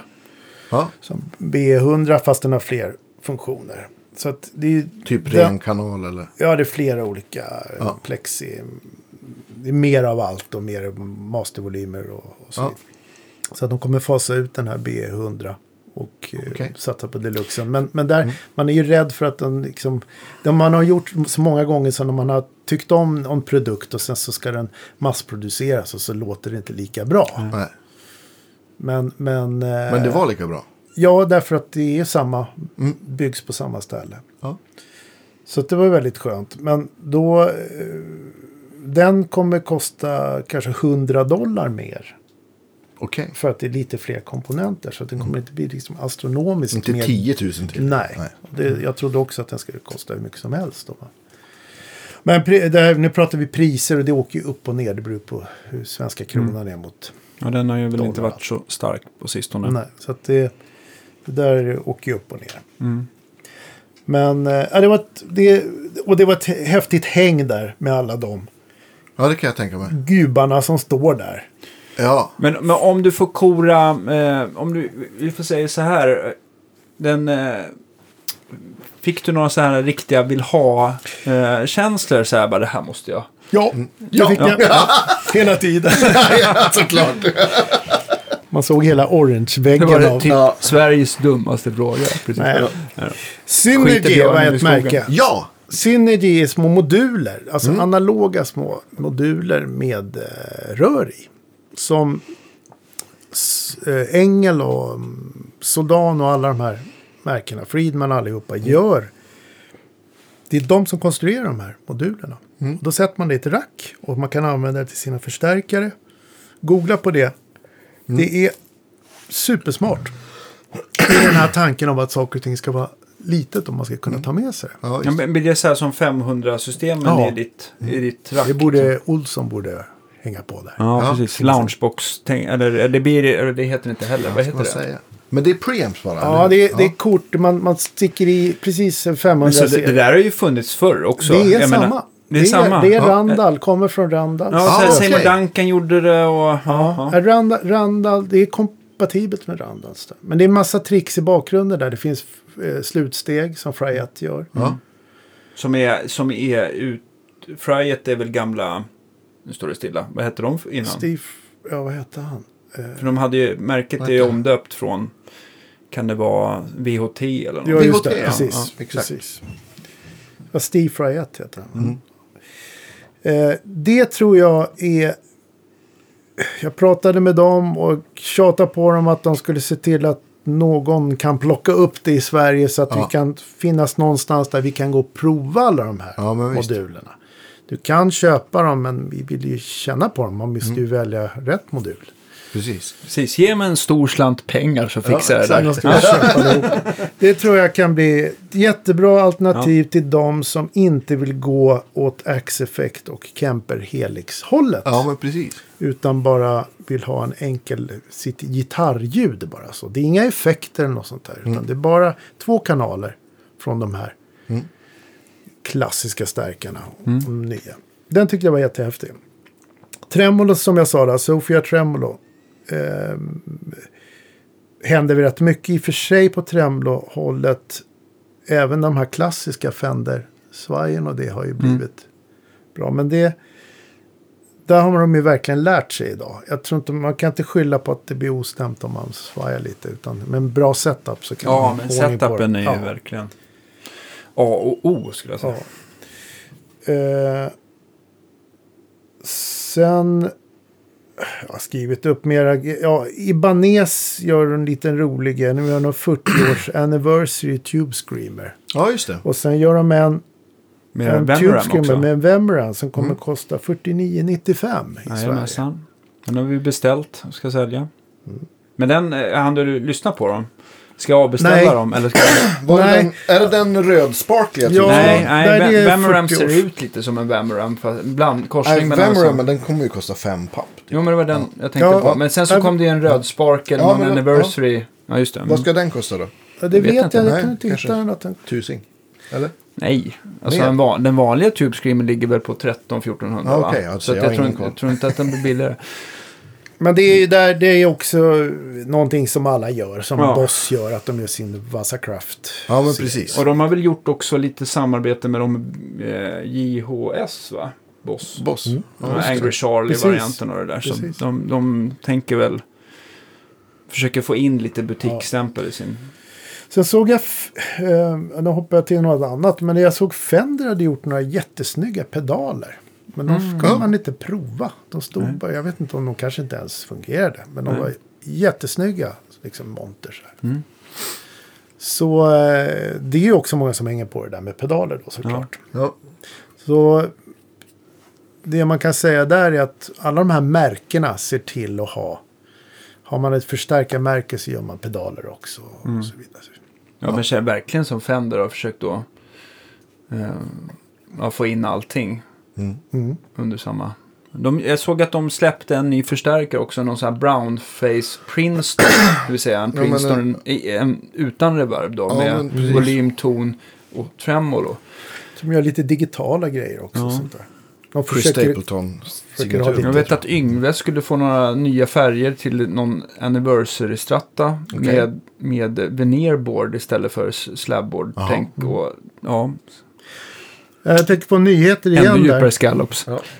Inte. Camper Cabinet.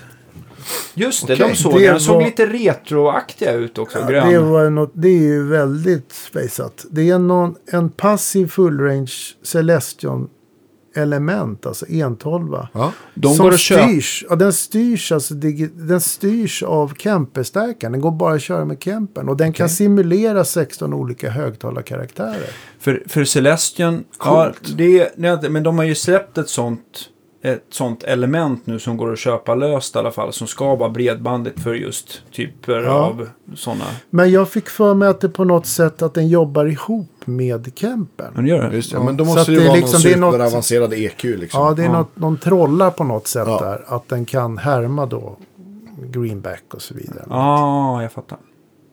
Jag kommer ihåg när campen var ny och vi provade med, du och jag provade med eh, högtalare med steg och så vidare. Så, Blev Ja, vi inte var lite- riktigt glada nej, va? vi visste inte var, var ska vi börja. Vad ska Ja. man, men här, på det här sättet så kanske man kan få ett kit som är när man har sin Kemper med Kemper-steget. Ja. Och sen så får man det här ljudet på en gång. Att det Ja. blir liksom någonting att utgå ifrån.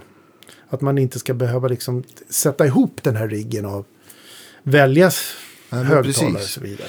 Tycker du, du som ändå fått klämma och känna på alla Axeffect och Kemper och sånt där. Eh, känner du att det är ett bra alternativ till, eh, om du får bygga en rigg åt dig själv eller känner du fortfarande att nej, jag, jag vill ha min, min, min rörtopp och eh, utgå ifrån som hjärtat? Ja, det tycker jag. Eh, sen, det beror på vad man ska spela för någonting. Bara i vilket det sammanhang. Det tycker jag också. Det är helt. Orkesterdiket, då är det ju bra kanske med en Kemper-lösning. Ja, alltså det, jag fick en... Eh, jag hade äran att spela med herr Rydman här. Ja, men det är Ett samma. gig. Jag brukar spela en gång per år. Ja. Då gjorde jag det med Rydman. Det Ja. tycker jag Fan, det kan inte bli bättre. Och då hade jag en digital grej med mig. Och den är jättebra. Eh, men det är sån stress i den där situationen. Då är det mycket lättare med en riktig gitarrförstärkare. Kunna luta sig bak och bara vrida upp volymen lite ja. eller göra någonting istället. Och jag klev på där och så stod den och blinkade och så såg jag att jag var på fel bank. Och sen, Så var det bara att hålla färgen och spela. Och Ja. Färgen gjorde jag inte heller för den delen. Men, men det är de där situationerna, alltså i en produktion på en teater och så vidare. De, Mm. kör Kemper, de kör X-effekt och allt sånt där. Det, är, det, det, är program, det är väldigt mycket programmerande, men sen så funkar det. Mm. Men eh, de här spontana bluesgiggen så, så Nej. tror jag att det är lättare att ha en riktig förstärkare. Ja. När det gäller, när det gäller eh, pedalbordsbygge för dig också, ser du någon trend själv i size, storlek? Vill folk få in så mycket som det bara går och det är ännu Ja. trängre än någonsin? Och, Ja, eh, jag, men jag tycker att det är ett glapp mellan de som gör, alltså de här stora företagen som spottar ur de här pedalborden som, som är billiga pedalbord som folk kan bygga sitt eget pedalbord. Ja. Som absolut inte är något fel, eh, missförstå mig rätt. Men, men de, det känns inte som att de riktigt är och kollar på hur det är i verkligheten. Ja, okej. Just det. Det blir lite för stort och det blir lite svajigt ibland och sådär. Det- De försöker hitta billiga lösningar så att pedalbordet ska vara billigt. Sen finns det några pedalbord som är otroligt fina i ädelträ. Ja, just det. Och då blir de väldigt tunga och stora. Precis. Jättefina att ha i, i vardagsrummet. Precis. Hela familjen tycker att det är fint Ja. att titta på det där. Men, men det blir inte så praktiskt. Nej. Så att just nu är jag inne i en otroligt tråkig period. Av det ska bara vara praktiskt. Mm. Så att eh, Praktiskt att hålla och funka. ja, så det är snyggt vet jag inte. Det blir snyggt den där första bilden när det är nytt. Ja. Men, de men det handlar om att kunna byta pedaler. Du, Mm. du, vill liksom, du vill kunna jobba med dina grejer. Så att, eh, men det, det, där är vi olika också. Mm. Det, det jag vet att det är väldigt, väldigt många som har, har sin hörna hemma med sin, sina fantastiska gitarriggar. Och d- där, där funkar ju alla saker som, som du Ja, kan köpa. om du inte ska åka lastbil eller slängas in ur en buss tre gånger i veckan så fine. Precis. Kan du väl få vara ädelträ på pedalbordet? Jag skulle vilja att det kom då professionella pedalbord. Hur skulle de se ut? De skulle vara hållbara och lätta. Men gör inte du det redan, tänker jag? Jo, det gör jag, Ja, men då måste vi ju snickra dem. Ja, okej. Så, att, eh, Så du skulle vilja, du skulle vilja komma förbi det är fortfarande ingen som har gjort dem sådana. se- serietillverkade med Nej, aluminiumlisten? vi är, vi är masstillverkar några, men, men eh, det är en viss storlek bara. Men eh, sen ska man inte göra illa sig på dem eller skära sig på dem eller något sånt där när man håller på själv med det. Det Men- finns lite sådana här trick som är viktiga. Ja, men det är ju så, vad heter, men Friedman har väl börjat göra pedalbord nu också? Ja. Hur är de då? Har du Ja, sett de är ju då i som, verkligheten? Jo, men det är väl det är bra grejer. Och, och, och, men, men det är liksom olika. Det är som, lite, vi har lite olika smak där på hur, Ja. hur saker och ting ska se ut och sådär. Ja, Jag tycker de är ganska fula. Rent så här. Men det är ju min personliga smak. De blir ju ganska stora. Mm. Lite klumpiga. Jag är inte en fan av de här lutande borden heller. Det, man- det, funkar inte alltid. Jag vet ju att jag har pratat med dig flera gånger just det här med att många vill få bort strömförsörjningen på ovansidan av Ja. bordet och ha ett lutande och sätta det under. Typ Ja, det- pedal train och sådär. Ja, det, är, det är smart. Det är för, har det, finns det några nackdelar? Ja, det kan bli om du får... Alltså, installationsmässigt är det jättejobbigt. När du ska hålla på. Alltså, Dra ström genom ja, bordet. eh, det finns också de som tycker att det är snyggt när man inte ser kablarna. Mm. Men, men det, det kan man göra för att man, för sin egen skull. Mm. Eh, Vi kommer alltid tillbaka till det där. Det är samma som så, eh, när man ska reparera någonting. Om det är något som är väldigt komplicerat att reparera, som tar tio timmar att reparera, så Ja. blir det väldigt dyrt. Men om du kan göra det själv eller har någon kusin som är jätteduktig som kan göra det en timme lite då och då. Så då blir det liksom kostnadseffektivt. Och det är det när man ser, tittar på Facebook med de här stora jättefina pedalborden som folk bygger och har hemma. Ja. Så, men om jag skulle bygga det så så skulle det ta för mycket tid och det skulle vara för jobbigt att byta någonting. Men, men eh, jag klankar inte ner på dem för att det är också någonting som är kul att sitta och bygga. För Det är kul att hålla på liksom, och, och göra de här sakerna. Men när man ska bygga för turné och så vidare så måste man tänka i andra parametrar. Så jag blir lite förvånad där på Friedman har sina strömförsörjningar går på, bara på 9 volt. Finns inte 12 volt till exempel. Jaha. När, förutom Och att det är då- pedaler som drivs med 12 volt, Ja. finns det någon annan fördel att vissa pedaler låter eventuellt bättre om man kör dem på 12 volt istället? I, det, det ser man på, det, det brukar pedaltillverkaren tala om. Eh, men det är, um, alltså vissa gör det som en säkerhetsfaktor att man ska kunna köra 9-18 volt utan att ta sönder pedalen. Just precis. Men det har inte med att det låter bättre på 12 volt. Nej. Jag tror att med professorpedalerna är så många av dem. Ja. De klarar övervolt. Mm. Men, men Ja, sen finns det de som låter, får bättre headroom. Ja, just det. Just det. Tänker, eller så här äh, signal-brusförhållandet eller Precis. någonting sånt där blir bättre. Eh, när, när folk så här kommer och frågar och undrar eh, när det gäller just strömförsörjning. Eh, vad, för dig när du, när du bygger pedalbord, vad vill du helst att en strömförsörjning ska klara av? Eller vad, är det, är det att, liksom att det ska finnas tillräckligt med milliampere så att den orkar driva eh, eh, liksom Det är krävande viktigt, pedaler? Det är viktigt, annars Ja. så startar inte pedalen eller så går strömförsörjningen sönder. Och det är att den blir för varm helt Ja. enkelt. Ja. Den orkar inte dra igång den här kretsen. Och det, det där har ju med trenden och, och, och liksom modet av vilka pedaler som folk vill använda. Mm. Och nu går det ju uppåt med eh, 300, 400, 500 milliampere. Räcker 9 det? volt. Ja, men det brukar vara en Strymon. Ja. Med 350. Eventide. Eventide. Mm. Det går att, trixa runt med det där. Och ibland kan man använda, man kan köra dem lite hårdare än vad, vad det står. Men eh, det är så många parametrar som jag måste tänka på för min egen skull.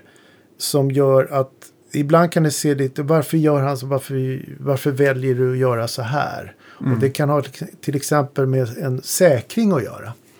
En strömförsörjning som inte har en säkring som man kan byta, en glassäkring, så kan det bli ett problem som slår tillbaka till mig då. Att Mm. det här pedalbordet funkar inte. Det, strömmen gick på scen eller blev övervolt eller något sånt där. Då har jag eh, försökt använda strömförsörjningar som har en glassäkring som man kan byta och så vidare. Men nu börjar det försvinna. Det är andra lösningar som de gör. Eh, med termosäkringar och så vidare som man måste löda bort. Och det, det, Det blir, låter jobbigt. Ja, det låter jättejobbigt. Och jag vet att du Andreas hade ett sånt problem. Det var någon Ryssland-turné va? Som du, där det var riktigt illa med strömmen. Ja, visst. Och, eh, så att, och det, det här ska man inte börja hänga ut massa märken för det, det har det har med liksom helheten att göra också. Eh, hur långt, hur ska man tänka? Eh, hela, om, om strömmen går på scen, då kan ju ingen spela. Så att det är ju ingen idé att ha batterierna kvar. Och sånt där, va? Då funkar ju inte stärkan eller någonting. Nej. Går stärkan så kan du byta en säkring. Mm. Då blir det ju paus, paus i showen. Liksom. Men det är jobbigt om strömförsörjningen på pedalbordet verkligen går sönder. Så därför skulle jag säga att jag skulle rekommendera ingen att köpa en billig modern strömförsörjning på Wish eller något sånt där. För Nej, just det. 495. Nej. Och så, så, så läser de på Facebook att den funkar jättebra. Jag har använt det och går hur bra som helst. Men jag tror inte du åker på Rysslands turné med den. För att då, Nej. när den pajar så pajar den riktigt ordentligt. Och då kan du liksom inte ens laga den även om du har sex timmar på dig och kan löda och så vidare. Ja, precis. Så att det är alla de här parametrarna som man jagar. Och jag, jag är ju jättetråkig på det att jag springer ju runt och försöker leta fel hela tiden. Sådär. Så jag provar saker och så ser jag vad som... Och därav är jag på NAM också för att kunna prata med de här feedbacka till vissa. Så, och alla de här felen som dyker upp, de är det ju flera som märker och de märker det själva. Det kan vara mjukvarufel och sånt och då rättar de till dem. Men ibland så slipper det liksom emellan det hela. Ehm, och då eh, kan det, gå, kan det gå så långt att det är väldigt många produkter som redan är ute som de måste returnera för att det är någonting som är riktigt fel. Mm. Eh, Ett sånt fel var med en stämapparat som man tryckte riktigt fort på den. Så här, tadang! Så hängde den sig, då låste den sig. Så det råkade Skönt. Magnus Josefsson ut för. Mm. Han köpte en ny stämapparat, en batch av ett märke för flera år sedan. Och just den batchen av stämapparater hade det här mjukvarufelet. Ja, och jag Och- hade också ett sånt. Då, Hade du då var det klick. Fast den hängdes inte, men det blev, det blev Ja. klick. På en, det var en batch av ett populärt stämapparatmärke. Och då Ja. eh, brukar jag ta rollen av att skälla på de här företagen. Det är bra. För att det, när, när kunden kommer och säger det är något fel på den här. Ja, ja, det är du. Har du bytt batteri? Ja, Men när det visar sig när 20 stycken har samma fel och man skriker på dem lite. Så Ja, men då tar de det på allvar och då löser de det jättefort. Så att det är mycket tid som går åt för det också. Att liksom hitta de här lösningarna. Det här fungerar. De grejerna ska du använda. Hur är folk då när du kommer på mässorna? Är de, så här, är de väldigt tacksamma eller känns det mer som att de försvarar sig in i det sista? Eller hur? hur? Nej, de är, nej, men de är ju, alltså oftast vet de och oftast så flaggar de ju för vad som, vad det kan vara för problem Ja, och ja. sådär. Mjukvaror är ju väldigt enkelt, liksom. det är ju det är någonting som folk är vana vid. Mm. Så att, jag menar, alla grejer funkar ju, det, det, är ju, det gör de. Alltså det är fantastiskt att det fungerar överhuvudtaget. Mm. Överallt man, när du är ute och reser och slänger dina pedalbord till höger och vänster. Det behövs ju bara att det är en liten, liten lödning eller någonting som går Ja, av ja, så blir visst. det helt tyst. Ja. Hur ska man kunna felsöka det? Mm. Så att det funkar ju jättebra. Men, men eh, det är det som är den tiden som kommer nu när de här grejerna kommer till Sverige som jag har sett på NAM. Det är då man verkligen får prova dem. Och Mm. hittar man den svaga punkten så kan man jobba runt det. Eh, och det, så är alla pedaler och alla de här prylarna har oftast någon svag punkt. Man kanske vet att den där buffern ska vi stänga av eller den här Just ska det. vi köra på den strömmen. Kör jag på den på 12 volt då brummar den fast de säger att det ska funka på 12 volt. Och så. Så, så får man erfarenhet av att så här ska det vara. Liksom, tänk- nu, nu funkar det. Jag tänker också att många av dina kunder som kommer med pedalbord och eh, frågar säkert om vad du tycker och sådär. Och det är ja, just att det finns så många distar och kompressorer och flangers och Ja. allt möjligt. Att det är mycket ens egen smak. Men är det till exempel strömför, jag tänker också strömförsörjningar och buffer och eh, ja, volympedaler kan jag tänka mig också. De är väl ändå så här, det, det är, de kan du väl ändå testa på ett sånt sätt så att, det, att du kan rangordna vilka som verkligen funkar och verkligen är bara förkasta åt folk. Att det där, får du, det där Ja, precis. ska vi inte montera liksom, för det där Nej. kommer strula. Så- och det har ju blivit en mycket, mycket större liksom, medvetenhet bland alla idag på det här med prylar. Och just Ja, med. Facebook och så. Just att man kan byta erfarenhet. Mm. Men fortfarande, man måste lyssna själv och testa själv. Mm. Eh, och det, redan nu finns massa videos ute på grejer som har varit på NAM och så vidare. Man, man vill ju testa det liksom Ja, visst. eh, i sitt sammanhang för att höra att, Mm. att det passar. Bygger du alltid pedalbord från scratch? Eller blir det så också att, det liksom, att folk kommer till dig om att ja, jag får inte det här att funka. Kan du hjälpa mig Ja. göra den sista Det gör jag. Det beror helt på. Alltså jag stänger inte någon dörr så jag, jag får väldigt mycket mail. Mm. Och mail är jättebra. Skicka gärna mail. Det är Till, lättare, till, Ja, det är lättare. till vilken adress då? Info at soundofsilence.se. Ja. Det är lättare. Många som använder telefoner idag såklart och sitter och, skriver på Messenger och så vidare. Mm. Och det, det, det får man göra. Men när, när jag ska börja kolla i manualer och liksom på något sätt hålla ihop den här Tråden. tråden av, av liksom, om man verkligen professionellt vill få ordning på någonting så, så är det bäst att få mail och få bilder på pedalbordet. Mm. Då går det oftast fort och då kan man få, det kostar liksom ingenting att få en, en offert eller jag bjussar på tips och råd och så vidare till en viss gräns. Mm. Men, men eh, man kan göra sådana konsult eh, där nå- någon kanske inte skickar bordet men säger jag skulle vilja göra så här, hur ska jag koppla det här? Och då kan man komma med ett förslag, men skaffa den AB-boxen tillsammans med den där buffern och koppla så här och, och eh, byt ström där och så vidare så kommer du kunna höra hur det låter bättre och kunna använda det bättre. Va, vad, är det, vad är det vanligaste misstaget folk gör? Går det att säga så? Eller bara, är det något återkommande problem som du... Som, det kanske inte vill avslöja, det förstår jag. Nej, ja, men det, jag tycker väl det har ändrats. Men, men det är nog mer för att... Alltså igen, medvetenheten har ökat. Alltså, de flesta kan mycket mer än vad de vågar erkänna. Ja. De flesta är väldigt försiktiga sådär och säger att jag vet ingenting om det här.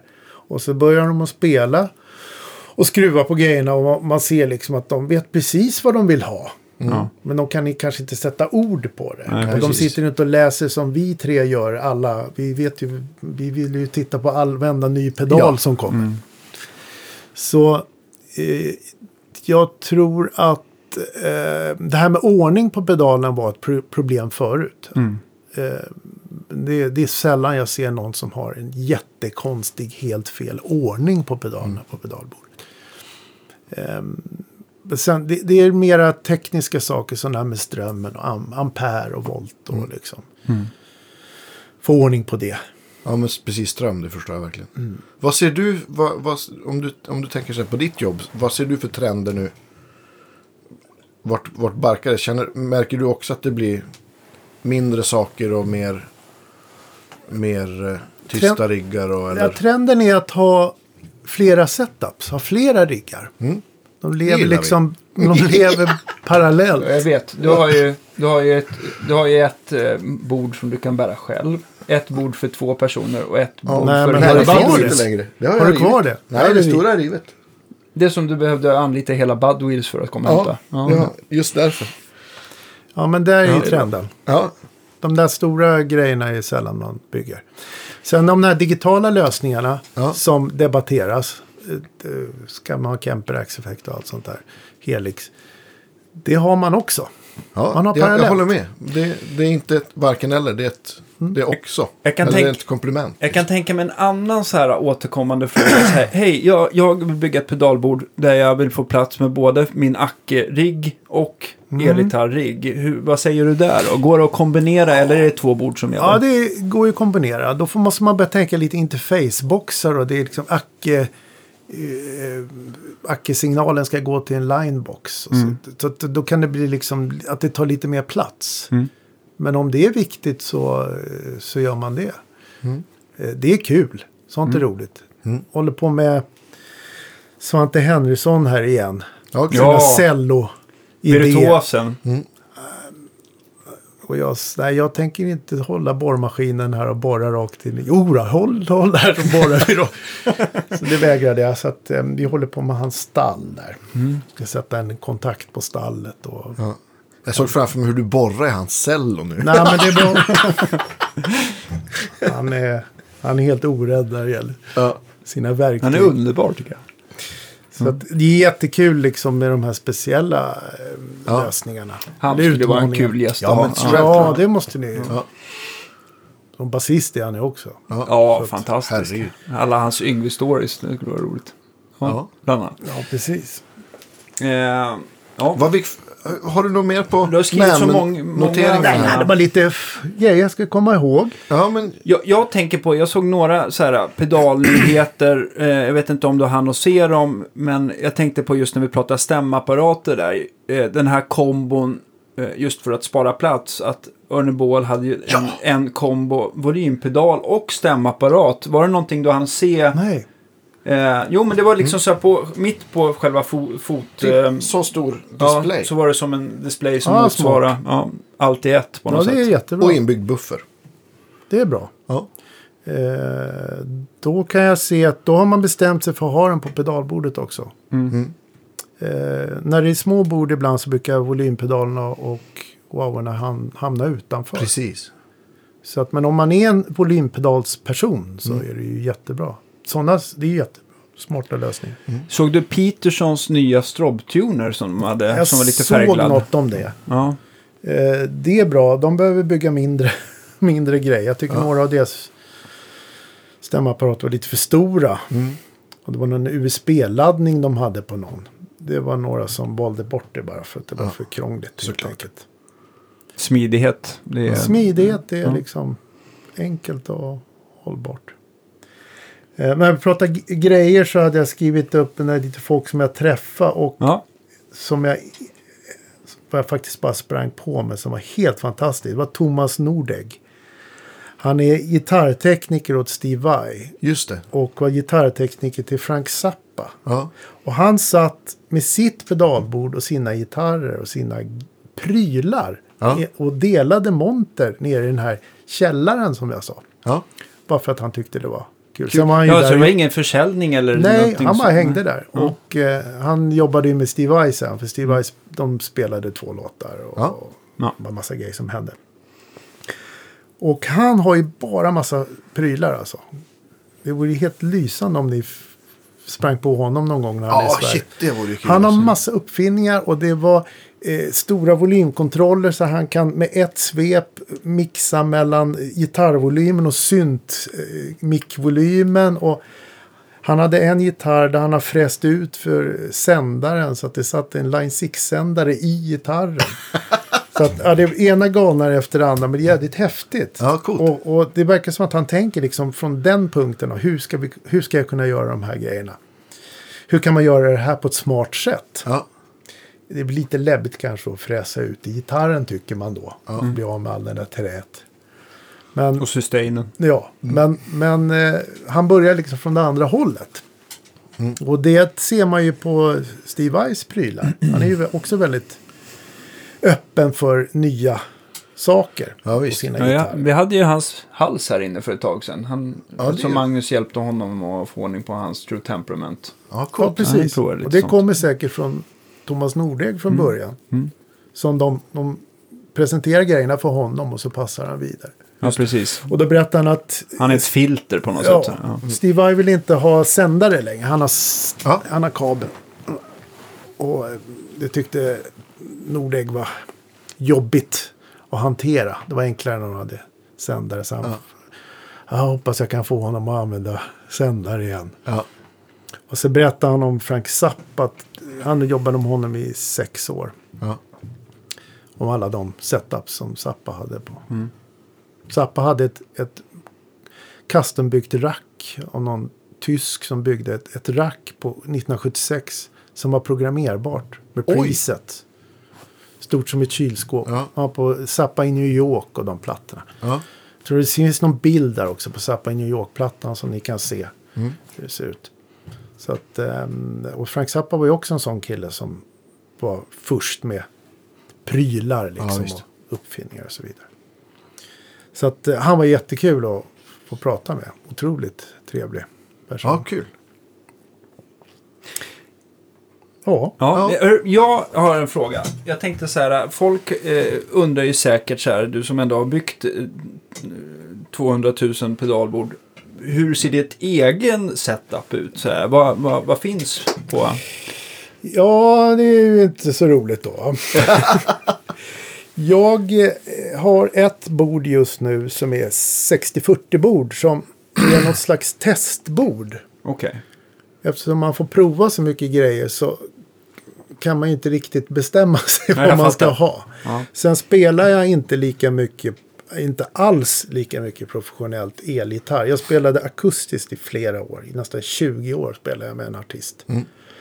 Så att jag spelar elgitarr, jag spelar gitarr varenda dag. Men jag har liksom inte, jag behöver inte hitta den där setupen som ska, som ska ut på turné. Så Okej, då hade jag okej. nog bestämt mig. Ja. Samma med mitt rack är också ett testrack. Så att det finns plats för någon pedal att kunna prova och så vidare. Men finns det någonting som alltid sitter kvar? Eller är det... Nej, det är vi- vissa effekter, ja, det är vissa sound som jag liksom letar. Och det, det är här rent kompressor eh, och rent ljud i stärkan. Liksom. Kompressor rent. Eh, nu kan det låta som väldigt mycket 80-tal och det är det väl också. Men jag, jag menar inte liksom 80-tal chorus. Inte att dränka gitarren i det här chorus delay reverb-ljudet. Utan mera få de här klassiska eh, cleana sounden. Som de fick när de spelade in med tejp och kompressorerna i studion som de hade. Det är också det är något, kompressorer och sånt har jag liksom hållit på och jagat. Har du Och sen- korat någon vinnare då? Jag tycker de flesta, är, det, det, så fort när de här blandkompression så tycker jag det är bra. Ja, och det, det, ja, just det är det. nästan på alla. En mix. När, när Kali, vad heter den, 76 till Ja, exempel. den är bra. Den är bra. Lite stor bara. Ja, lite lite stor. Även den lilla är lite stor. Eh, vad finns det mer som Sir, har... Wampler, Ja, Pig, Pigtronics. Exotic. Exotic. SB-kompressorn. Espen är. Ja. Så har man en blend, det var nästan den bländfunktionen som Att blev man, så kan, aha. bland, man blandar in den, alltså den ofärgade transienten i princip. i Precis, och det är det man gör i studio oftast. exakt. trummor och sånt. Parallellkomprimering. Så att eh, jag har märkt att det är många som har svårt att hitta kompressorn rätt. Eh, jag tycker man ska använda den för cleant ljud såklart. Exakt. Alltså på dist behövs den inte. Nej.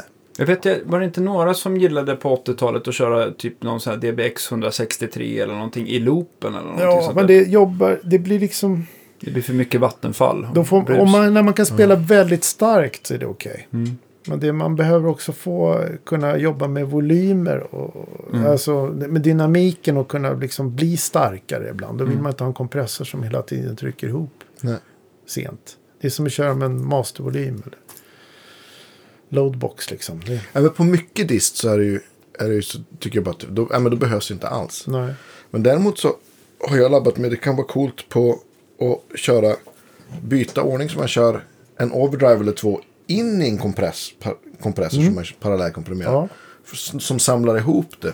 Just. Och så har man liksom kvar dynamiken från drivepedalen kan man sköta, sköta med volym och med fingrar. Och det funkar väldigt bra för slide. Det är något jag har märkt att jag har ändrat mig på. Eh, Mm. Det finns ju en klassisk setup att man ska ha en kompressor så tidigt som möjligt. För Ja. att den adderar brus och så vidare. Det ska vara tidigt och, och göra gitarr. Forma gitarrsoundet. Ja. I en studio så använder man en kompressor för att hålla ihop eh, dynamiken sent. Men det Precis. gör man oftast inte på en gitarrsignal. Utan Just man har det tidigt. Men sen har jag märkt att det, har man phaser, flanger och så vidare och vissa pedaler innan kompressorn så blir det häftigt, ett häftigt sound på ett annat sätt. Så där har jag frångått väldigt mycket som jag sagt förut. Att det, prova det här. Det finns någon slags standard setup. Men den kan man ju gå ifrån.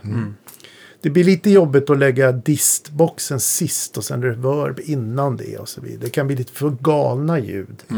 Som, det blir ju väldigt art rock sådär. Det kan passa men, men liksom man kan prova ordningen tidigt med, med modulationseffekter och, distboxar såklart. Precis. Och, och det är ju omöjligt att ge några tips där utan då måste man ju bara testa. Lyssna. Så att eh, eh, jag tycker väl att eh, personligen så eh,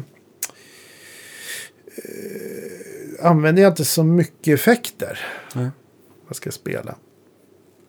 Ehm, Hjärtat är i alla fall, eh, jag tänkte det är en Friedman Top B100 eller? Ja, den har blivit så, men den är också väldigt bra som teststärkare. Eh, det, det kan vara väldigt fel ibland. Eh, där, det finns en tanke där. Om, man, om, om någon kommer och hämtar ett pedalbord hos mig som jag har satt ihop så, så ser vi till att det är så transparent som möjligt. Mm.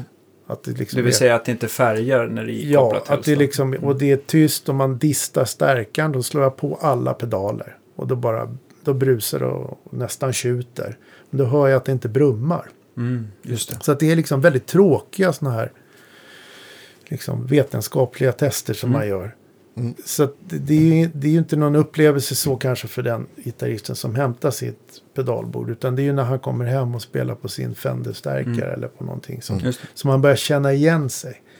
Så det, det skulle vara svårt för mig att ha vissa förstärkare som i testrigg. För att det kan vara bra att ha något kliniskt som man vet Mm. inte adderar något brum. Eller Mm. någon, en loop som är väldigt transparent. Så på det Ja, sättet och du vet ju den- precis hur den här låter. Och, Ja, den loopen är Ja. väldigt bra. Och, och den, den lastar inte ner pedalerna om man lägger pedaler i loopen och så vidare. så att Och, och framförallt att nivån är anpassad för Precis. pedaler också. För det brukar ju inte alltid vara. Nej. Nej.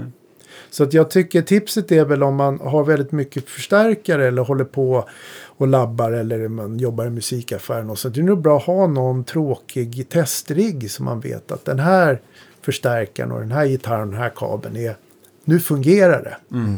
Och så kopplar man in det här man har problem med. Mm. Oftast är det två fel samtidigt har jag märkt också. När någonting krånglar. Okej. Så är, brum kan komma av liksom fel impedanser. Mm. Eh, och, ehm, och så plötsligt fungerar det och så fungerar det sämre på något ställe och så vidare. Så, att, så det gäller liksom att vara, vara lite tråkig där och ha någon en bra eh, kanske någon transistorstärkare till och med. Något sånt där. Just det.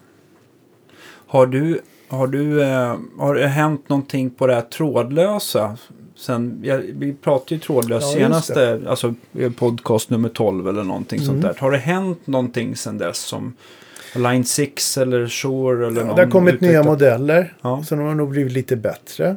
Eh, de har börjat förstå gitarrister också mer. Mm.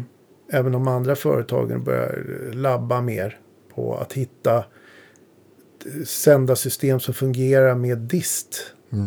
Det är en väldigt stor skillnad. Eh, nästan alla de här demorna de gör är ju liksom med någon funkbas eller någon sång eller något sånt där som är cleant Mm. ljud. Bredband. Ja, och kopplar du in en, en, en sändare innan en, en high gain förstärkare så kan det plötsligt låta väldigt annorlunda på en gång. Va? Det kan bli för starkt, det boostar för mycket eller för mycket diskanter. Eller något sånt där. Mm. Är, det, är det något företag du tycker har kommit längre eller är det flera som är bra? Nej, flera, alla, alla förstår ju nästan det där idag. Alltså, eh, de du sa, eh, Shure, eh, 6. Sennheiser, alla de här har ju liksom... Vissa har till och med kompenserat för kabellängden Ja, som. Line 6, Ja, Line mm. 6 började Mm. med. Så att de har ju tagit till sig av den, liksom, den feedbacken från, från gitarrister. Att, att det- är inte så enkelt Alltså det ska som vara en försöker- simulerad kabellast. Ja. För Jag tänkte, nu, jag vet inte om eh, jag har blandat ihop det, men eh, jag tänkte på för din egen del, när du började köra sändare för, för länge, Mm. länge sedan, så hade du ändå en, en x antal meter kabel hängandes fram till Ja, sändaren jag tror jag berättade. Jag hade den Ja, på precis. ryggen. De Ja. kallar mig för Quasimodo. Ja. Bara för att få... Nej, men det var för att det, det som händer då är att gitarrmikrofonen, eh, det blir så kort kabel till sändaren som sitter på strappet. Och det blir genast en buffrande signal.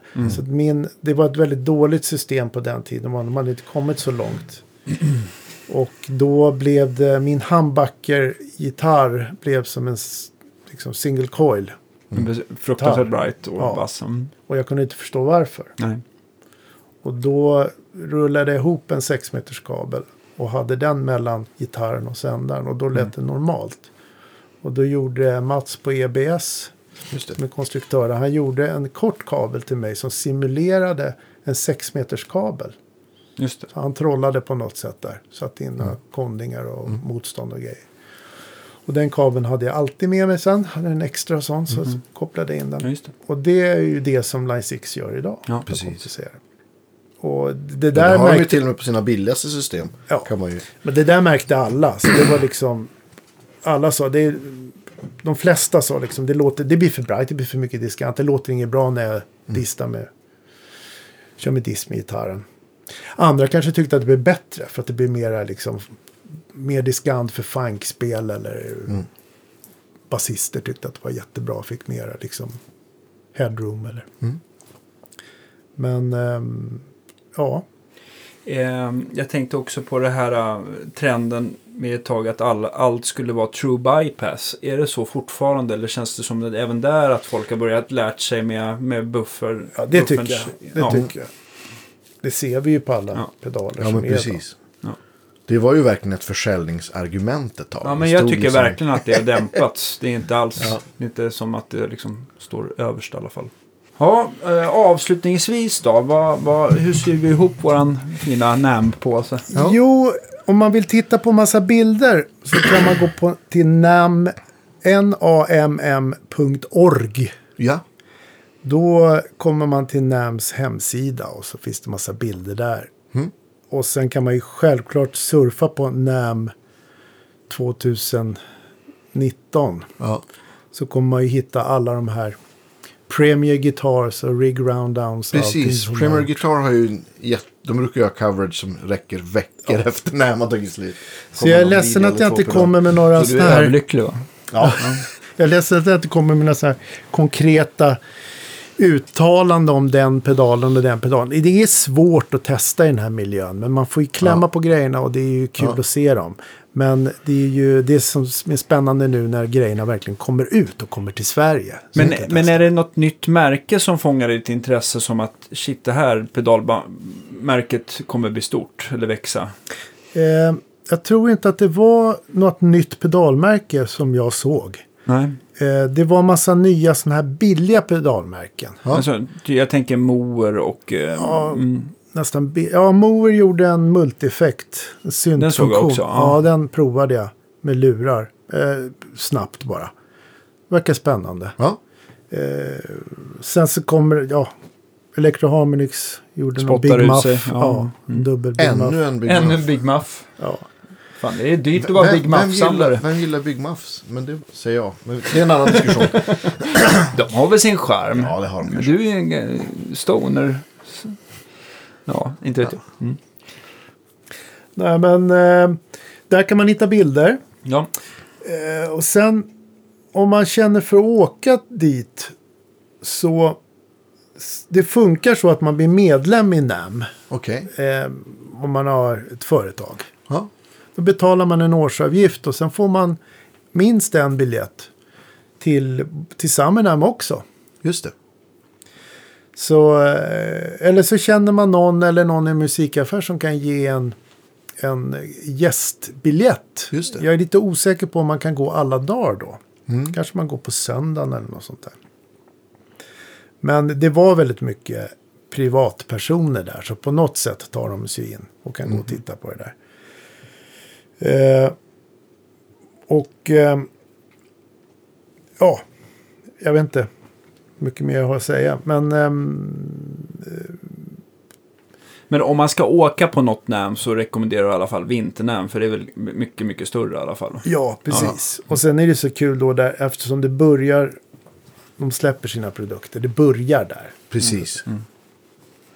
Som en kick-off på prylåret. Ja, precis.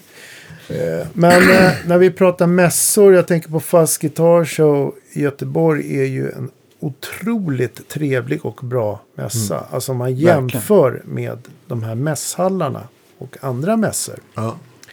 Eh, den är väldigt speciell.